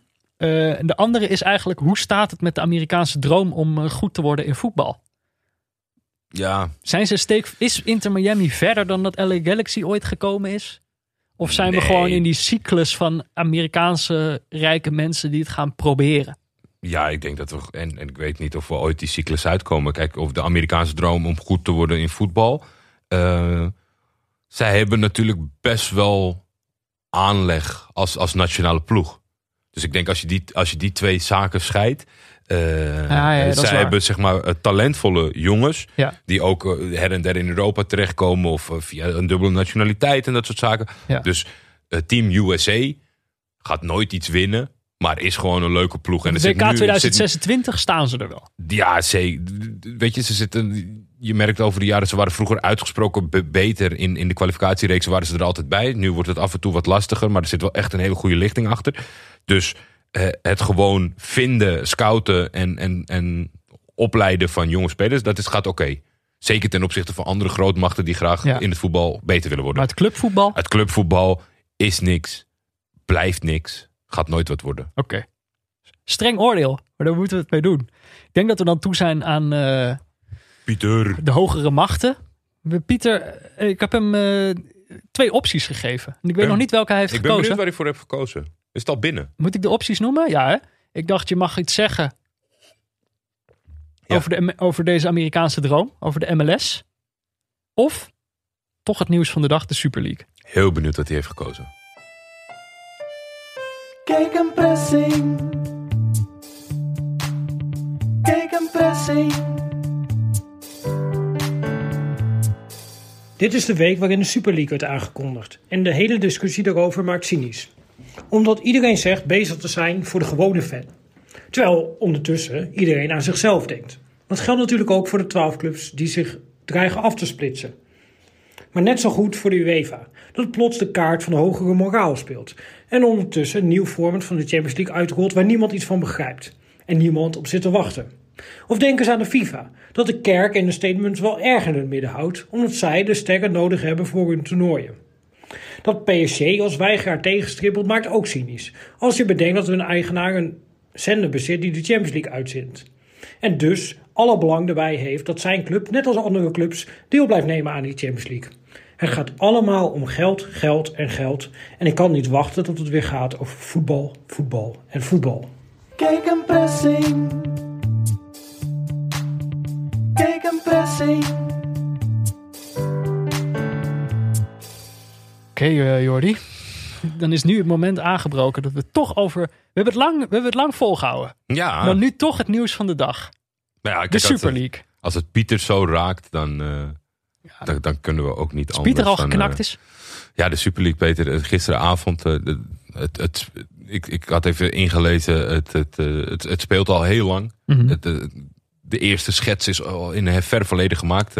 Eh, volgens Juriaan van Wessem nog eerder dan is gedocumenteerd op, op Wikipedia. Dat weet ik niet zeker. maar daar, in ieder geval eind jaren negentig is er, zijn er mensen bij elkaar gekomen. Er, klopt iets niet, er moet wat veranderen. En uiteindelijk is de Champions League daarop aangepast. En elke keer eigenlijk zijn er mensen die niet genoeg vinden dat ze genoeg krijgen. Mhm. Die een soort van drukmiddel uitvoeren op de Champions League om wijzigingen in hun voordeel te maken. Ja. En nu lijken we op het punt te zijn gekomen waarin die twee daar niet meer uitkomen. Die groep is gegroeid van, van eh, clubs die vinden dat ze ergens recht op hebben. En de UEFA. We moeten misschien even voor onze moeders... Ja. Heel even in het kort wat het nieuws is. Eh, kijk, je hebt nu de Champions League. Dat ken je als het goed is wel, eh, mam. Je weet heus wel wat dat is. Maar er zijn gewoon, het gebeurt gewoon af en toe dat een grote club wordt uitgeschakeld door een kleine club. Juventus bijvoorbeeld, dit jaar uitgeschakeld door FC Porto, door Ajax, Lyon. vorig jaar door Lyon. Eh, en dat is natuurlijk niet de bedoeling, want dan krijgen ze minder geld. Dus het plan is eigenlijk dat ploegen zoals Juventus, daarvan zijn er twaalf in ieder geval, die hebben nu het plan gemaakt eigenlijk voor een competitie zonder Ajax, zonder Porto en zonder Lyon, waar ze ook niet meer uitgeschakeld kunnen worden. Dus ze willen gewoon een soort competitie maken waarin ze zijn met hun twaalf en dan mogen dan, maar af en toe mag ook nog wel een klein ploegje bij. Zwerver. Dan, zetten ze een, dan dekken ze een extra, eh, dan zetten ze een extra stoel neer aan de eettafel. eh, voor iemand die mag aanschuiven. Eh, maar eigenlijk is het idee gewoon dat ze daar niet meer uit kunnen degraderen. Dus dat ze allemaal gegarandeerd al die inkomsten krijgen. Die ze nu af en toe mislopen aan een van die kleinere clubs. Zodat ze verliezen. Dat is de situatie waar we in zitten. Dit is inderdaad al veel langer aan de gang. En nu was er opeens dus werd dat plan gelanceerd. Hoe, hoe kom je bij deze oplossing? Kijk, ik, je hoeft van mij als voetbalclub zijnde echt niet stil te staan. Je hoeft van mij als voetbalclub echt niet eh, eh, moeder Teresa te spelen. En je mag best de hele tijd nadenken om je winst te maximaliseren binnen het eh, toelaatbare. Maar hoe kom je nou bij deze sport tot deze oplossing en Ja. sta je daarachter? Want op het moment dat jij je afsluit en dat er geen echt competitie-element meer is. En jullie dus allebei net zo slecht of net zo goed kunnen zijn. Dat alle charme waarvoor je kijkt en geïnteresseerd bent in het wedstrijdverloop, haal je weg. Dus hoe is dit een oplossing en hoe denken zij dan, wat, de, de miljarden vliegen je om de oren, waar ze zelf van overtuigd zijn die ze zouden kunnen ophalen en dat soort dingen. Ik denk dat het gewoon ik, ik heb al, ben al vrij snel stelliger in geweest van niet aan hun benen hangen. Niet zeggen van we passen het een beetje voor jullie aan. Laat gewoon weggaan, want het gaat het niet redden. Wat zij willen, Ik denk dat het gaat niet ja. Dat, dat kan niet. Rory Smith had een goede duiding van deze kwestie. De journalist van, eh, voetbaljournalist van de New York Times. Mhm. Die omschreef eigenlijk van ja, als je dus een competitie maakt waarin competitie niet meer het belangrijkste is. Ja. Waarin prestaties niet meer geldend zijn. Wat op dit moment in de Champions League nog wel is. Ajax is niet zo groot als deze twaalf clubs die aan dit plan meedoen. Maar ze kunnen wel van ze winnen. Dat, Ja. is, dat, is, dat is wat het een sport maakt. Dat je, dat, je, dat je gewoon een wedstrijd hebt van 90 minuten. En dat die bepaalt wie de beste is. Niet dat je inderdaad zo'n exclusieve competitie maakt. Waar af en toe iemand nog bij kan. Maar waar je eigenlijk gewoon alleen maar tegen elkaar speelt. Zonder dat dat echt gevolg heeft. Hij zei ja, dan is, dan is het eigenlijk geen sport meer. Maar dan is het content. ja. Dus gewoon iets Maar die content... geoptimaliseerd. Waar mensen dan zogenaamd. Je kijkt gewoon naar de kijkcijfers. Waar kijken nu de meeste mensen naar? Nou, naar de topwedstrijden in de Champions League. Tussen bijvoorbeeld. eh, we moeten denk ik toch even de twaalf schuldigen opnoemen. Ja. Dat we weten over wie we het hebben. Dat we niemand vergeten. even opnoemen. Real Madrid, Barcelona, Atletico Madrid. Dat zijn de drie Spaanse teams. Er zijn ook nog Italiaanse teams. AC Milan, Inter en Juventus. En dan zijn er nog zes Engelse teams. Eh, Arsenal. Chelsea, Liverpool, Manchester City, Manchester United en Tottenham. Ja. Dit zijn de twaalf ploegen die dus denken dat de wereld beter zou zijn als zij alleen nog maar tegen elkaar zouden spelen. En niet tegen die ploegen waar ze dan door worden uitgeschakeld. Het kan, weet je, ik, kan, je, je kan er essays over gaan schrijven op, op detailniveau, zeg maar. Maar het kan gewoon niet. En ik snap niet dat eh, eh, waarschijnlijk hele, hele slechte, maar ook slimme mensen tot deze conclusie komen. Ja. Want eh, je ondermijnt de lokale competitie. Hoe gaat de competitie nog bestaan als het niet uitmaakt dat Manchester United twaalfde wordt, maar zich wel kwalificeert voor de Super League? Waarvoor zouden zij meedoen aan die competitie? Wat maakt het uit? Ja. Dat is natuurlijk sowieso nog, dat voor al deze teams, ze hebben niet allemaal het beste timing uitgekozen voor deze Super League. Nee, eh, dit zijn een boel Waarom, eh, eh? Roel Janssens bij elkaar. Ja, maar wat heeft Arsenal te zoeken in een Super League als zij zich niet eens via hun eigen competitie... Ze staan negende, hè? Ze staan niet eens in de buurt van de Champions League plekken. Mogen van geluk spreken als ze Europa League halen. ja. Ik bedoel, Juventus hadden misschien de punt gehad als ze nu voor de tiende keer op rij kampioen geworden waren. Maar die maken er gewoon een potje van dit seizoen. Dus het is, het is, ook het, is wel, het is wel echt. ehm, men denkt altijd van, eh, weet je, dat supporters komen in opstand. En supporters zeggen, dit willen we niet. En eh, weet je, we zijn tegen Red Bull Leipzig en dat soort dingen. En altijd komt voetbal ermee weg. Maar ik denk oprecht dat, dat het eventueel doorgaan van dit plan... wordt echt wel een keerpunt. Omdat... ja, het is, het is gewoon een bom. Het heeft ook veel weg hoe de manier hoe het is gegaan Stiekem. van de maffia. Met het, met het onder druk zetten. En, en ook als je zeg maar de, de, de teksten die nu in de, in de nasleep worden gebezigd. eh, er wordt terecht gezegd dat deze clubs het voetbal hebben gegijzeld. Want het is zo. Wat, wat je ook kiest. Ik ben echt geen, geen voorstander. Want ik, ik vind dat ze het zo serieus hebben aangepakt. En zo concreet al brengen. Dit is, dit is, er wordt veel gezegd, ja, dat is een drukmiddel om in geld los te peuteren bij de UEFA. Dat is, is, is veel te drastisch daarvoor. Dus je kan, in mijn optiek, kan je ook niet zeggen van, sorry jongens, foute inschatting van ons, we doen het niet, we komen terug. Dat, dat, er, Je moeten moet schorsen of er moeten gevolgen zijn. Want daarvoor heb je het te, te veel, eh, eh, hebben zij het te concreet gemaakt. Dus dat, dat moet sowieso. Het is ook gewoon... Maar het voetbal is wel echt kapot, hè? Als dit, als dit doorgaat. Ja. Gewoon als een geheel. Ja, maar kijk, dat is natuurlijk voor ons als neutrale kijkers. Ik probeer even te bedenken, want er zijn natuurlijk eh, zat mensen die hier uitstekende mening over hebben. Ik probeer even te bedenken wat nou, wat nou onze specifieke neutrale kijkersmening zou moeten zijn. En dat is inderdaad, als jij zegt het voetbal is kapot.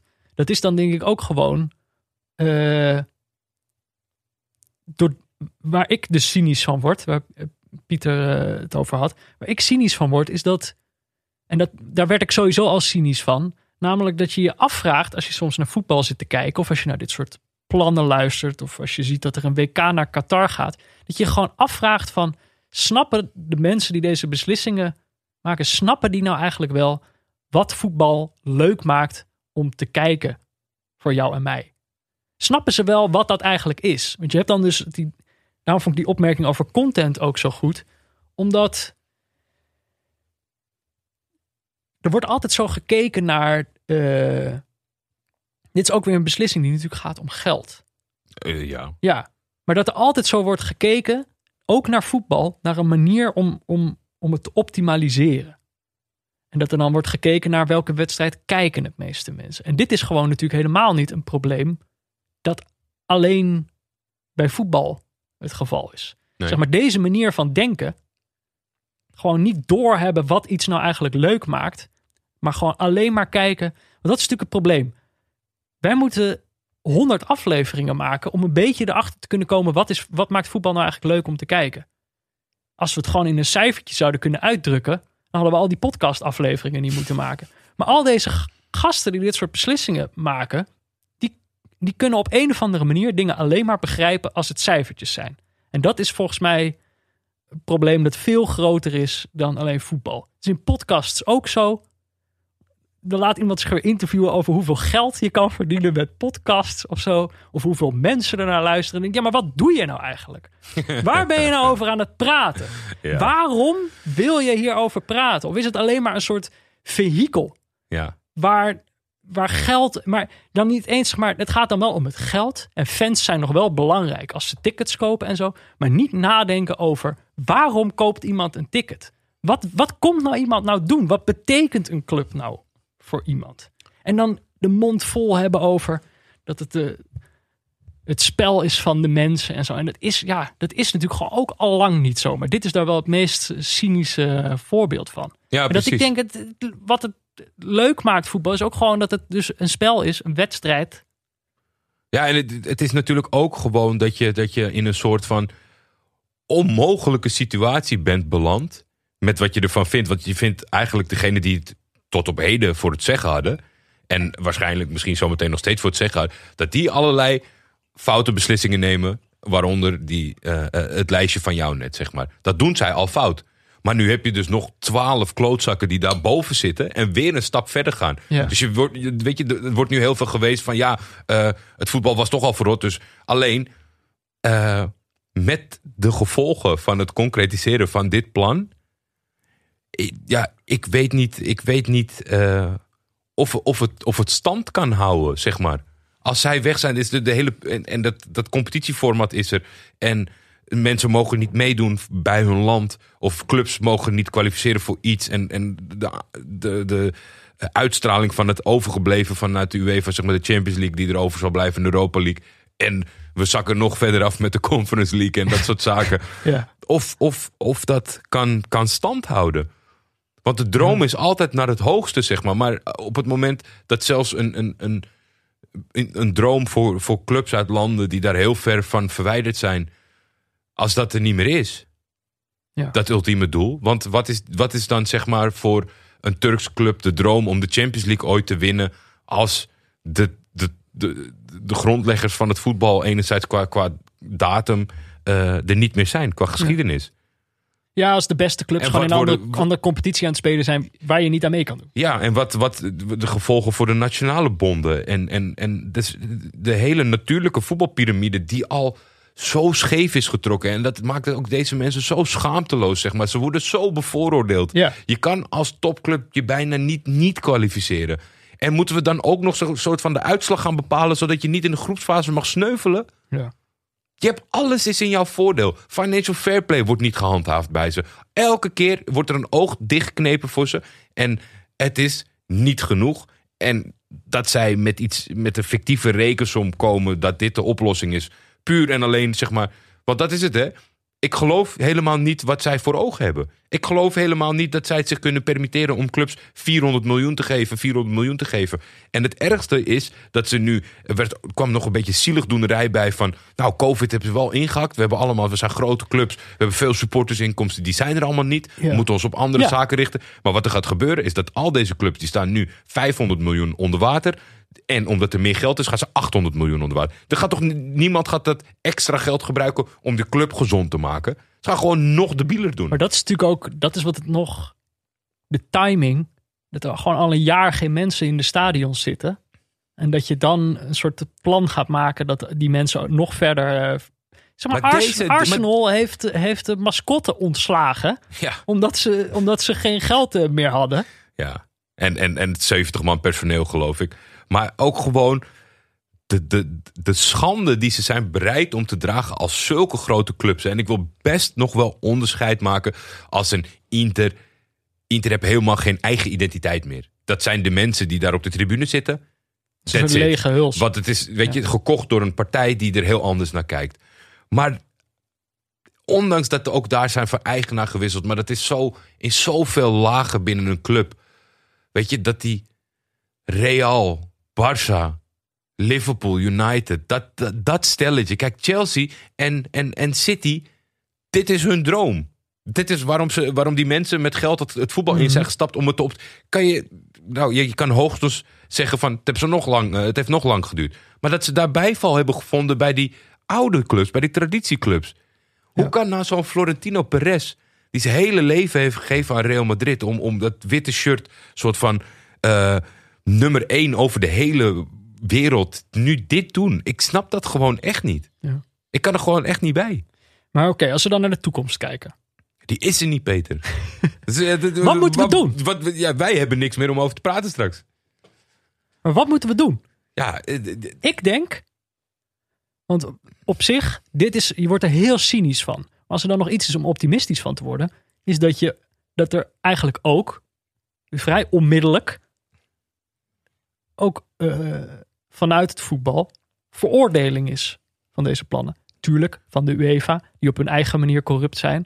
Maar er is nu een soort, eh, toch het gevoel, zo een moment is waarop je het voetbal echt Ja, het- meer van de mensen wil maken. Of mensen duidelijker wil maken waarom dat belangrijk is. ja, dat het van de mensen blijft. het kan, niet, het kan denk ik niet gebeuren, maar mijn naïeve hoop. En daarom wil ik ook zeg maar niet te veel terugwijzen nu naar van wat er nu alles slecht is. Mhm. Is dat het dusdanig veel invloed heeft op degene die het zover hebben laten komen. Op een soort keiharde reset. Ja, je hoopt dat de UEFA nu volledig Ja. de andere kant op gaat. Ja, want die is natuurlijk, eh, die, die, die heeft lekker Ja. lopen vertoeven met deze boeven. Maar die, die gozer, die is woedend. En dan kan je hem uitlachen in de zin van ja. Wat was eh, nou de letterlijke quote? There's snakes all around us. Ja, en we didn't know uh, they were so close. And now we know, geloof ik. Maar die, die, die, die, die is echt woedend. En dan kan je, weet je, eh, kan je hem uitlachen voor het, dat hij vertrouwd heeft op dat soort mensen. Die, eh, zoals een Agnelli, die Ja, al die voor boeven. jaren dubbelspel hebben gespeeld. Die bij hem aan tafel zeiden van... Nou, we moeten toch even praten over hoe we het aantrekkelijker maken voor ons. En ondertussen iets deden waar meesten die, die hele UEFA eh, kunnen tackelen. Ja. Maar misschien dat, dat, dat die kwaadheid van die teleurgestelde man kan omslaan. Dat als wij met z'n allen, als iedereen met z'n allen aangeeft van dit is, weet je, dit, was te, dit is één stap te ver. Dat we misschien een paar stappen terug kunnen doen. ja. Ik denk ook, gooi dan ook zeg maar die hele aangepaste versie van de Champions Ja, League. dat is zo kut ook dat het dan precies vandaag, want het is natuurlijk gewoon eh, kracht, eh, krachtmeting. Om te laten zien, eh, Paris staat, blijft bij ons. Nou, Duitsers zijn de enigen die zich hebben durven uitspreken, een beetje fatsoenlijk, over dat ze niet willen deelnemen. Maar dat is ook gewoon, en en daarom denk ik ook, mijn naïeve hoop kan zo de prullenbak in. Want precies op deze dag gaan ze kenbaar maken dat die domme nieuwe Champions League toch doorgaat. Ja, wat, wat, Ook al kut is. wat ook voor meer ongelijkheid, zeg maar minder competitie in, eh, in dit topvoetbal Ja, gaat met, met, met uh, loyaliteitspace en, en, en bescherming voor bepaalde kwalificaties. Eigenlijk een soort van wat ze wilden, maar dan light. Ja. Dus dat is gewoon, dat is gewoon Dus ik jammer. denk, kijk, het is natuurlijk wel het moment, nu gaan de maskers af. Ja. Dus opeens kom je erachter dat sommige spelers, je komt er nu achter op welke spelers je kan vertrouwen. André Herrera is een van de eerste profvoetballers Ja. die zich uitsprak. Dacht, nou oké, blijkbaar is dat, dat iemand die we kunnen vertrouwen. Ja. Speler van Paris Saint-Germain. Denk misschien ook een soort schuldgevoel dat hij probeert te compenseren nu. Die spreekt zich uit. Bruno Fernandes, beetje omwonden. Maar het is natuurlijk gewoon speler van een van deze clubs. Ja. Die zich ook uitspreekt online. Eh, en dat ik denk, kijk, we kunnen wel... eh, Daar moet het echt wel, uit die hoek moet het echt wel voornamelijk gaan komen. Kijk, ik denk dat merken heel veel impact kunnen hebben. Broadcasters kunnen heel veel impact hebben door gewoon uiten van we willen hier niet mee in zee. Maar uiteindelijk dat het allemaal zo uit de hand gelopen is, is in de voetballerij. Dat komt door de spelers. Zoals spelers van de ploegen die zich hierbij hebben aangesloten zeggen van oké, dan ga ik Ja. weg of ik wil dit niet. Ja, want even, iedereen heeft het meegekregen, maar even voor onze moeders. Wat er nu wordt gezegd is dat er sancties komen eh, voor spelers die gaan meedoen. Natuurlijk wel een beetje link. Dat dan de spelers worden een beetje de onderhandelingsmateriaal. Spelers die gaan spelen in die Super League mogen dan van de UEFA niet meer meedoen op het EK. Of van de FIFA niet meer meedoen op het WK.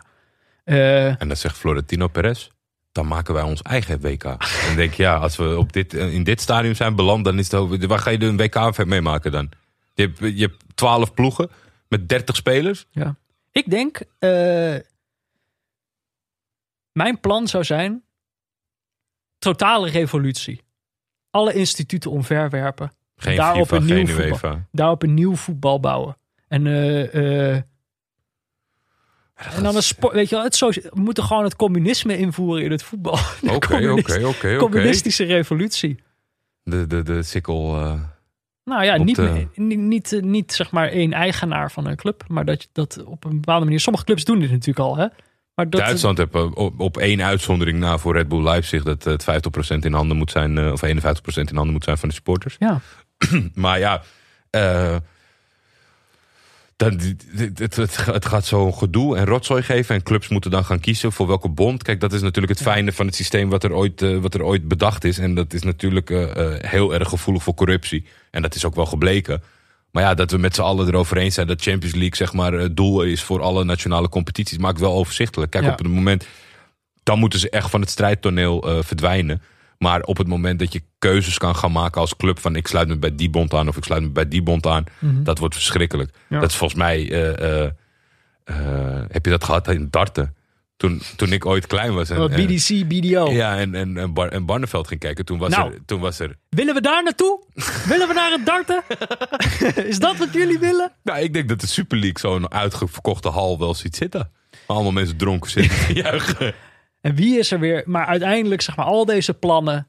Het gaat allemaal al zogenaamd over miljarden. Maar wie is er weer slachtoffer? De neutrale kijker. Absoluut. Dus, eh, nou ja, daar moeten we het dan mee doen. Nou ja, we moeten maar kijken. We zijn denk ik dan nu toe aan het gecrowdsourced onderdeel van de aflevering. Weet Ja. niet hoeveel, hoeveel tijd en energie we nog hebben voor de, voor de namen die erop staan. Ik heb er een paar uitgehaald.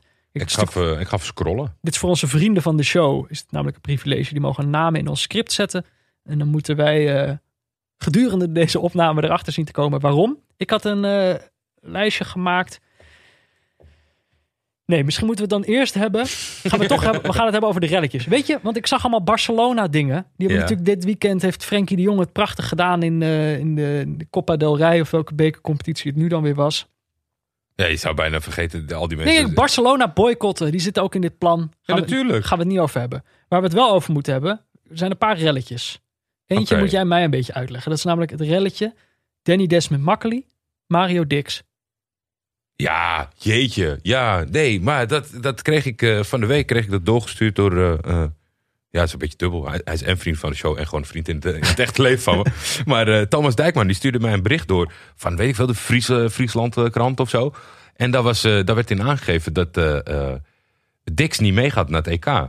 Omdat Makkely hem niet meer vertrouwt. Hij heeft de boot gekregen. Ja, en ik ben daar zo van geschrokken. Ik heb serieus geopperd aan jou. Ik kreeg, je- ik kreeg er niet helemaal mee in deze saga. Nou, maar ik, ik- wilde een spoed bonusaflevering om afstand te nemen van Danny Desmond Makkely. Ja, toch een beetje de scheidsrechter van de show. Nou, laten we, we hebben altijd eh, eh, goed over hem eh, gesproken. Jij hebt hem altijd een hoofdrol gegeven in je kerstverhalen. Hij hoort er gewoon bij. Het is, de, de dubbele naam is een eigen leven gaan leiden bij iedereen die ons luistert. En nou heeft hij dus Maar Mario Dix zo- eruit geknikkerd. Fucking zielig. Maar wat, waarom heeft hij Mario Dix? Was een Omdat assistent. Cristiano Ronaldo boos was. Waarom was Cristiano Ronaldo boos? In een interland eh, werd er een doelpunt afgekeurd. En dat had Mario Dix niet goed ingeschat. Ik weet, het- ik weet het niet eens meer specifiek. Ik weet dat die avond ging het helemaal los. Omdat het is natuurlijk Cristiano Ronaldo. Als dit bij Litouwen, Tsjechië was gebeurd... was er helemaal niks aan de hand. En zo'n slapzak blijkt Danny Desmond Makkely te zijn. ik vind ook. Hoezo mag Mario Dix geen foutje maken? Hoezo vertrouw je hem dan opeens niet meer? Dat is toch een onderdeel van het scheidsrechterschap? Is foutjes maken, daarmee dealen. Je bent een team, Maar ja, het- toch? maar moet hij... Team Makkely. Moet jij, elk- Fuck Team Makkely, man. moet jij de hele tijd je, je, je, je fluit ophangen als je een fout maakt? Want dan kunnen we nog wel even terugduiken. En de- hoezo Mario Dix ineens eh, niet... Ja, ik, ik, ik, nou, ik viel echt... Open mond heb ik dit zitten lezen. Ik dacht eerst dat het speld was. Of dat het een grap was. eh, Weet je? Of dat het ergens toch, toch nog een andere conclusie. Maar gewoon Mario Dix, die zou naar het EK gaan. En dan zegt Danny Desmond Makkely, zegt... Ja, weet je wat?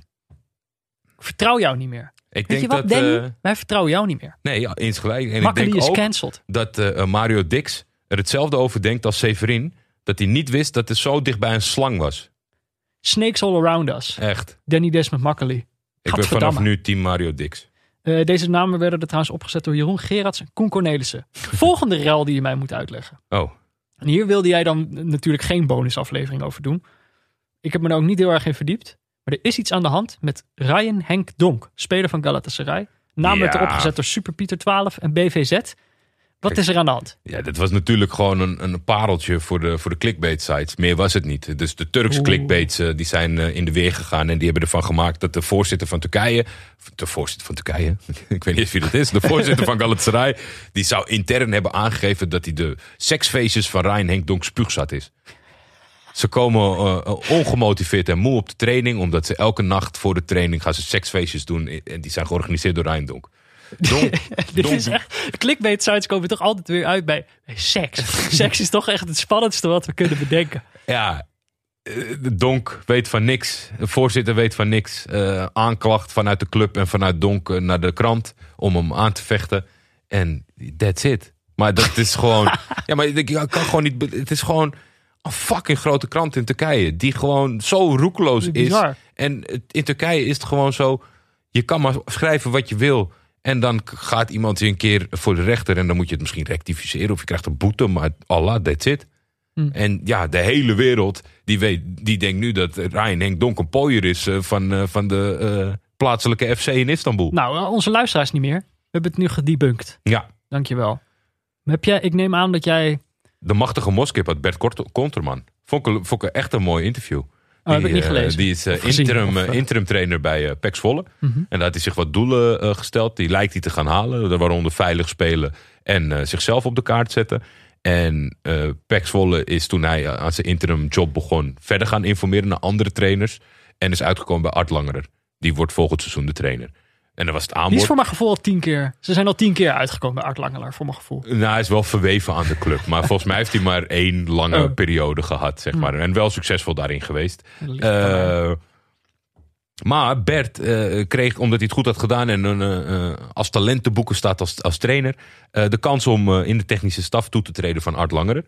Mhm. En dat doet hij niet. En hij is in de zee gegaan met de KNVB en dan wordt trainer van zichzelf eh, van de onder 19. Nou, En hij gaf aan als, als, als redenatie daaronder van dat hij zegt: ik, ik, ik, mijn, eigen, mijn eigen, eigen wijsheid gaat mij in de weg zitten eh, om iemands assistent te zijn. Hij zegt: Ik vind Art Langer top. En misschien, dus echt pure zelfkennis. Dat kwam alleen maar naar voren. En dan zei ja, misschien het voelt als een stapje terug, misschien voor sommigen om onder Oh. 19 van KVB te doen.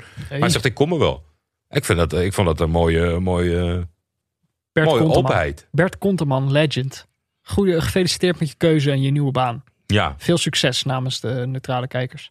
Ik neem aan dat jij, eh, Jordi, weer een Poeskas Award hebt, hebt afgestoft en eh, naar, naar het postkantoor hebt gebracht om op te sturen naar Taremi ja, van FC Porto. ja, ja. Ik, ik, Nee? ik merk dat ik, ik word een beetje on- ongevoelig voor de omhalen. Omhaals, omhalen. Om, ja, omha- omhalen. het was, eh, er komt er ook nog wel bij. eh, er komt er ook bij dat het gewoon een niet zeggend doelpunt was. Het veranderde Ja. niks aan de stand, zeg maar. Ja, prachtig. Maar weet je, Chelsea. wie- ben ik om hier ineens moeilijk te gaan? Ik heb al 35 weggegeven. Met die, hij komt jouw kant ja, op. joh, tuurlijk. Het is een beetje als zo'n YouTube play button. Weet je wel, dat iemand die op een gegeven moment kreeg als hij, eh, weet ik veel, Ja, 100.000 subscribers. Dat was in het begin, dacht je nog, wow, hij heeft zo'n play. Inmiddels, sommige mensen hebben dan 100 van die dingen. Ja, het Wat moet je er is dan gewoon geautomatiseerd Dat is, postsysteem dat is de Poeskas. Award, is dat. Eh, Ruben Hoekstra Mario Mandzukic. Die had een mooi gebaar. Mario Mandzukic hele maand geblesseerd geweest. eh, zegt, ik heb niet gewerkt voor mijn geld deze maand. Dus geef ik het geld aan de Milan Foundation. het jeugdtraject van de MLS. Aan de Super League. Eh, nou Kan ja, was, was hartstikke leuk. Eh, Marcel had Hansi Fliek. En dat heeft ermee te maken dat hij gaat stoppen bij Bayern München, denk ik. Maar wat ik veel erger vond... en dat ik, ik wil even Hansi zeggen van kop op... beetje borst vooruit en je hebt hartstikke mooie dingen gepresteerd. Ja. Ik zag een eh, eh, filmpje van Pochettino langs de lijn... en was heel neerbuigend tegen Hansi. Echt? Zo, zo vind ik al, eh, om, om iemand die niet je bloedgabber is... bij zijn voornaam te noemen in het trainingsvak, vind ik... Maar, maar het was echt zo van... De strekking van dat ding was... Op een gegeven moment zijn ze beide naar, naar de arbitrage aan het roepen. Ik denk van, nou, niet Ja. favoriet hobby. Maar Pochettino, die draait zich gewoon en die zegt... Hansi, Hansi, als ik tegen de trainer praat... of als ik tegen de scheidsrechter praat... moet jij even, moet jij even stil zijn, hè? Die was zijn eigen, Ja, dat ik dacht... zijn eigen wow, strijdje aan het voeren. Wow, eh, Pochettino. Best wel, leek me altijd een sympathieke man... maar verschrikkelijk nare man blijkbaar. Maar Hansi liet dat gewoon gebeuren. En die ging met zijn schouders naar beneden. Dan wacht ik wel tot ik aan de beurt ben. Flikker op, man. Het is toch bij de muziek Saint-Germain. Wat heeft hij voor op jou?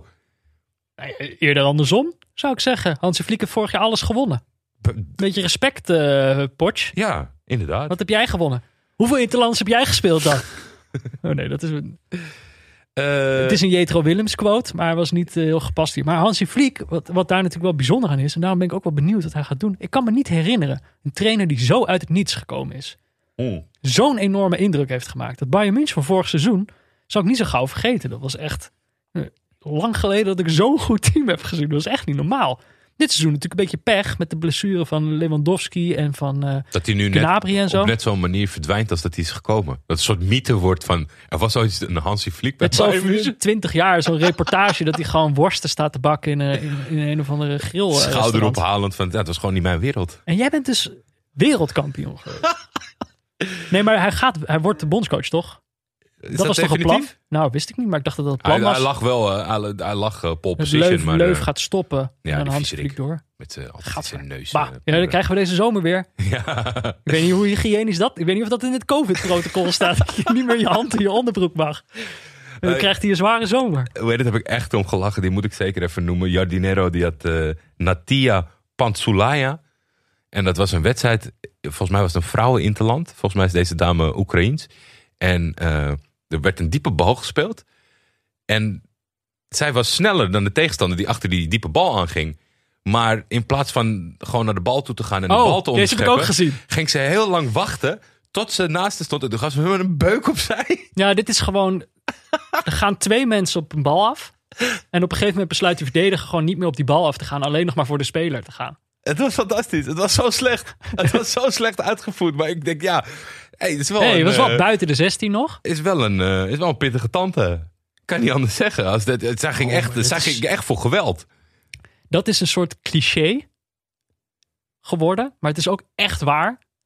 Dat die eh, vrouwenvoetballers veel minder jankert zijn dan, eh, dan die mannenvoetballers. Ja, die- Dat is, dat, ik bedoel, is, je wordt er een beetje moe van dat iedereen dat heet het zegt. ja, Maar daardoor zou je bijna vergeten dat het echt waar is. Ja. En dat die mannen ook echt fucking jankert zijn. heel, heel mooi gezegd. Want ik, ik, ik altijd een beetje spuug binnen als ik weer zo'n tweet zie van een vrouwelijk duel. Dat zegt, nou, dit was bij mannen was dit drie keer geel, twee keer was brancard. Ja, ja, weet je, wat is nou je, je punt? Maar Ja. het is zo. Het is zo. Maar laat het gewoon. We weten het. Nou, ik zou, moest namelijk denken dat zo'n filmpje van dat de vrouwencompetitie in de MLS. Ja. Die hebben ook een vrouwencompetitie waar onder andere de dochter van Dennis Rodman een, eh, een mooi doelpunt maakte. Oké. Maar dat daar ook een soort samen. Er waren drie rode kaarten in de, in de laatste minuut van de wedstrijd. Dat er gewoon weer mensen aan haar aan het trekken waren en zo. Kijk, het is natuurlijk niet netjes allemaal. Maar het is ook wel eens prettig om te zien hoe het ook kan in het voetbal. Toch? Ja, zeker. Dus even herinnering dat dat Heb jij, de naam, eh, heb jij de naam van eh, Bart de Vries eh, opgezocht? Bill Giller? Is dit, de fotograaf bij Larn FC? Ja. Die wij dit seizoen ook een keer bekeken hebben. Die op een gegeven moment met zijn veters vast zat aan het hek. ik baalde. Ik, had het, ik, had het, ik zag het op mijn tijdlijn en ik had het al geretweet. Maar ik wist niet dat het Bill Geiler was. Maar ik moest zoeken, jongens, zoeken. Toen zag ik een soort vreemd vogelfotografeer-account. Mhm. Thuis een eh, vogelspotter naast dat hij fan is van Larn. Maar goeie, goeie prank.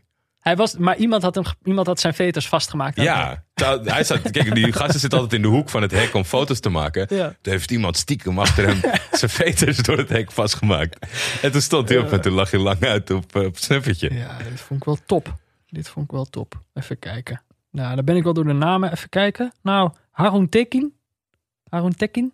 Ja, ik weet niet zozeer daar een penalty tegenhouden. Een hele belangrijke penalty tegenhouden voor eh Is de keeper eh, van Fenerbahce? Fenerbahce, Ja, want eh, de, keeper, de eerste keeper altijd, Bayander, die had zijn eh, arm eh, geblesseerd. Die eh, was onder het mes, dus die kon niet keepen. En eh, dat betekent dat Harun Tekin eh, weer eens te moest staan. Volgens mij voor altijd was hij al een tijdje eerste keeper. En heeft hij de strijd verloren toen gaandeweg. Hm. Eh, en eh, ja, heeft hij een hele belangrijke penalty in de slotfase gehouden. Maar voor de rest, ik heb de wedstrijd niet gezien tegen Başakşehir. Ik heb, eh, ik heb ook wel eens wat beters te doen. Eh, ik ben dan wel door, door mijn namen heen. Ja, dan nog ik, een zag, paar? ik zag eentje. Die, oh, Ahmed Moussa van Repelsteeltje. Ahmed Moussa die is, die is terug naar de Nigeriaanse competitie. Hey, Die gaat bij Kantor Pillars of zo. Kantor Pillars spelen. En, eh, de daar, Caterpillars. daar, heeft Dat hij, is- eh, daar heeft hij in zijn verleden al gespeeld. Oh nee, de Kano-pillars. Kano Pillars, dat was het. Maar dat, ja, een zeer opmerkelijke keuze. Eh, het, is een, het is een jongen waarvan ik via via wel eens heb vernomen dat eh, eigenlijk Super League mindset. Veel, veel keuzes op, op basis van geld. Maar die heeft dus nu, denk ik, voor zijn gevoel genoeg bij elkaar gespeeld. om op redelijk jonge leeftijd nog bij één van de twee titelkansmakers eh, van Nigeria gaat spelen. Ja, een vette speler. Ik denk, wel dat, eh, ik denk dat dit wel de, het duwtje in de rug is dat Kano Pillars kampioen gaat maken. Nou, ik ben benieuwd. Moeten we dan even in de gaten houden. Ja. Wat, een, eh, wat een carrière. Hè? Hij is ooit inderdaad begonnen. Kano Pillars ging hij naar VVV Venlo. CSK Moskou, Leicester City, Moskou, Al Nasser. En nou weer Kano Pillars. Ja. Bijna 100 interlands voor Nigeria. Zou die dat nog volmaken? Nou, als hij toch een eigen land als hij speelt. paar, ja, als ze net zo selecteren als eh, Oranje, dan, eh, komt het wel, eh, dan komt het wel goed. Want dan zit hij weer veel in Studio Sport Nigeria. Hoe heet het staat erop? Dat, van onze leeftijd. ik denk niet dat de mensen daar te veel inhoud van kunnen verwachten. Willy van der Kuilen, PSV-icoon, is Nou, overleden. Kijk, ik ben natuurlijk in de buurt van Eindhoven opgegroeid. Wilde jij daar iets over zeggen nog? Nou, ik, ik wil de mensen, en daarna mag jij het zeggen, het treurige einde van de schitterende Willy van der Kuilen, een stuk geschreven op VI Frans van de Nieuwenhof, die zal ik in de show notes zetten, want ja, ik, ik heb er niet veel over eh, te melden. Ik, het is voor mijn tijd. Mijn, eh, mijn persoonlijke verhaal is... Ik ben, eh, de luisteraars weten dit wel, opgegroeid in Veldhoven, in de buurt van Eindhoven. Zeker. En als je dan de bus nam naar het Centraal Station vanuit Veldhoven, dus Mhm. 402 is dat geloof ik, kwam je altijd langs het Philipsstadion, dus vlakbij het station. En bij het Philipsstadion Ging je middelvinger op. staat natuurlijk... eh, de bus. Nee, eh, ja, ik ben natuurlijk wel geboren in Amsterdam. Dus het liedje, we hadden een liedje geleerd van een oom. En dat was eh, PSV op de play, spoel hem door en weg ermee. Niet te hard zingen, hè? maar toch altijd even zingen. Dat vindt Hovi. Maar als je met die bus eh, dan er langs komt, eh, aan, aan die zijde waar je langs rijdt, daar Ja. staat dus een standbeeld van Willy van der Kuilen. Mhm. En dat, eh, ik, door dat standbeeld weet ik, wie, weet ik dat hij überhaupt bestaat. Ja. En weet ik wie dat is. En dat is dus wel eh, de, de kracht van een standbeeld. Soms wordt er eentje neergezet en denk je, hè, waarom nou?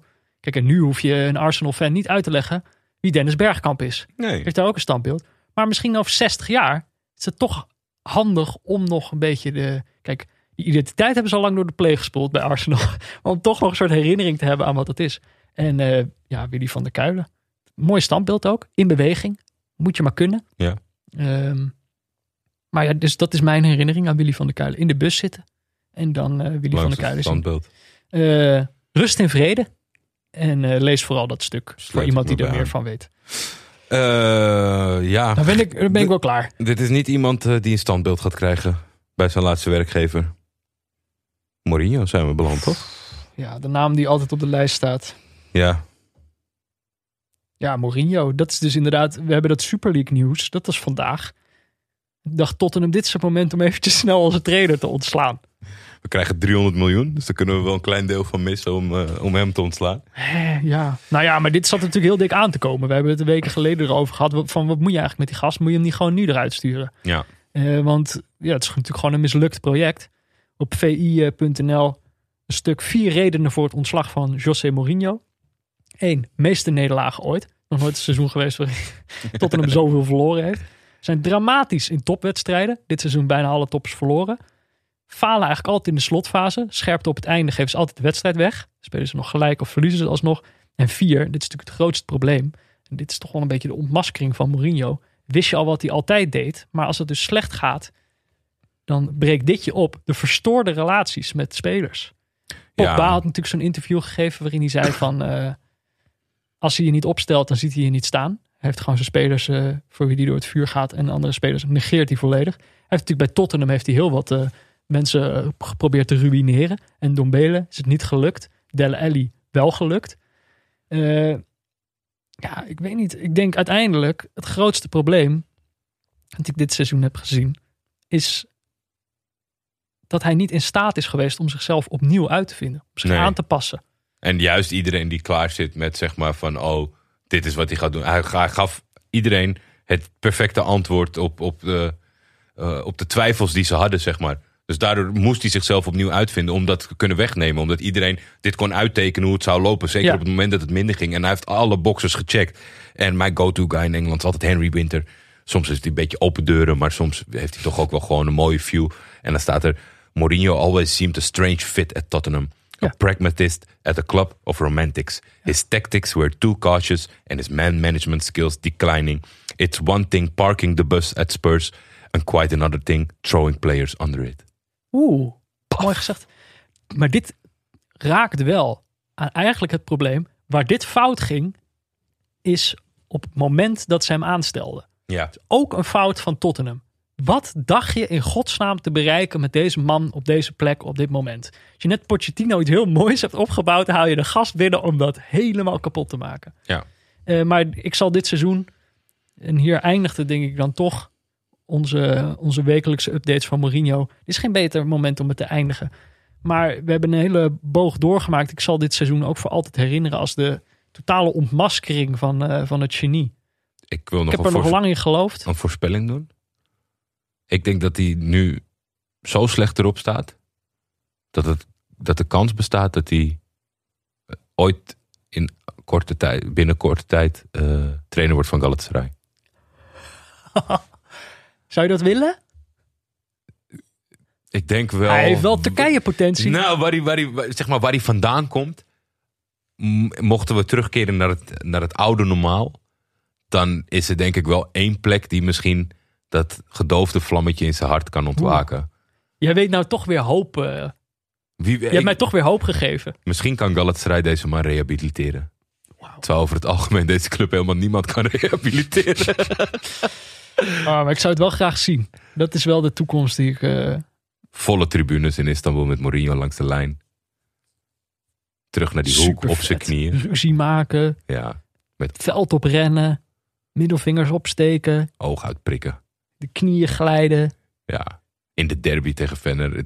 Die, competitie is op zijn lijf geschreven. Maar hij was altijd te hoog gegrepen. Maar ik denk dat Tottenham de laatste schop naar beneden heeft gegeven dat het haalbaar is. Het is ook echt iets, weet je, welke, welke verstandige club gaat hem, nu, gaat hem nu nog aantrekken? Ja. Dat lijkt me heel Nee, alleen moeilijk. een onverstandige club gaat ja, het doen. nou daar zijn wij. Galatasaray. Nou, you, you heard it here first. Toch? ja. Eh, nou ja, eh, dit waren, was dus eh, de, de namen die we, waar we het zojuist over hebben gehad. Die zijn op de lijst gezet door onze vrienden van de show. De toppers. De toppers. Er zijn, je kan dus sinds dit seizoen vriend van de show worden. Voor een klein maandelijks bedrag steun je de podcast. En krijg je dus dit soort privileges. Maar bijvoorbeeld ook bonusafleveringen over het een of het ander. Er zit er een boel aan te komen. Het Ja. is geen slechte tease. Er zit er echt een boel aan te komen. Nou, naar het einde van het seizoen moeten we denk ik toch eh, hier en daar de, de balans een beetje opmaken. Eh, en heel even kijken, we hebben weer een paar vrienden van de show erbij sinds vorige week. Namelijk Niels en Jochem Weber. Ja, Vorige week- vorige week zei me ik- kapot. Hoezo? Nou, omdat wij het over, daarover hadden. En jij liet iets vallen van, oh, die is vast wel vriend van de show of zo. Ja, we hebben hem daardoor- geguilt-tripped om het te worden. ja, dat, en toen zag ik dat hij na die uitzending vriend was geworden. Jochem, het spijt me. Maar wel leuk dat je Maar erbij ik bent. dacht, dit werkt blijkbaar. Ja, ga je nu, zeggen ga je nu allemaal mensen opnoemen waarvan je weet dat ze luisteren die geen vriend Eh, zijn? nee, dank jullie wel dat jullie ook onze vrienden zijn. En eh, ja, nou, er zit een hoop aan te komen. Vooral ook in deze zomer. Ja, en die, en die groep vooral, die, die nog geen vriend van de show is. Wat, wat, wat, wat is nou jullie probleem? Laat me nou eens gewoon... Ik, ik zit nu toch heel intiem in je oor. wat, wat houd je nou tegen? Ja. Het is zo leuk allemaal. Nou, en eh, als we, de- we gaan binnenkort hebben we wat aankondigingen over komende zomer. Als dat je niet overhaalt, come on. Dan weet ik het ook niet meer. Als, als we daarmee je vriendschap niet kunnen kopen. Oké, eh, ja, joh, die nog twee afleveringen te gaan hierna.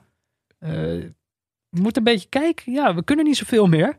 Nee. We gaan sowieso één slotaflevering maken. Waar we alle eindjes weer een beetje bij elkaar proberen te binden. Ja.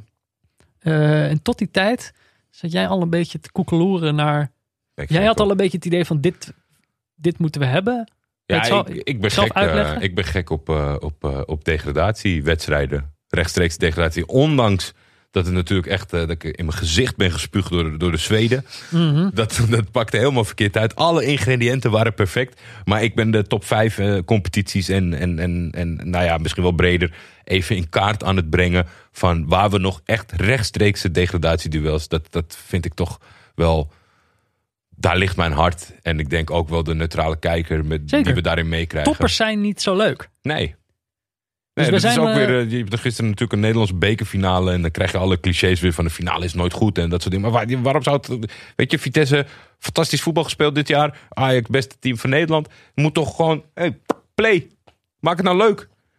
Ja, een beetje moe. Beetje, ah, oh, hamstring. En, eh, Europees gespeeld. Maar dat- dan val je toch echt van je stoel als je dat Vitesse ziet.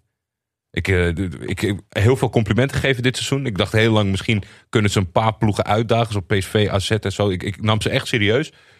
Hoe kan het nou als je negen dagen vrij bent... dat je, dat je eerder op bent Nou, dan je tegenstander? en ik snap het eigenlijk vooral niet.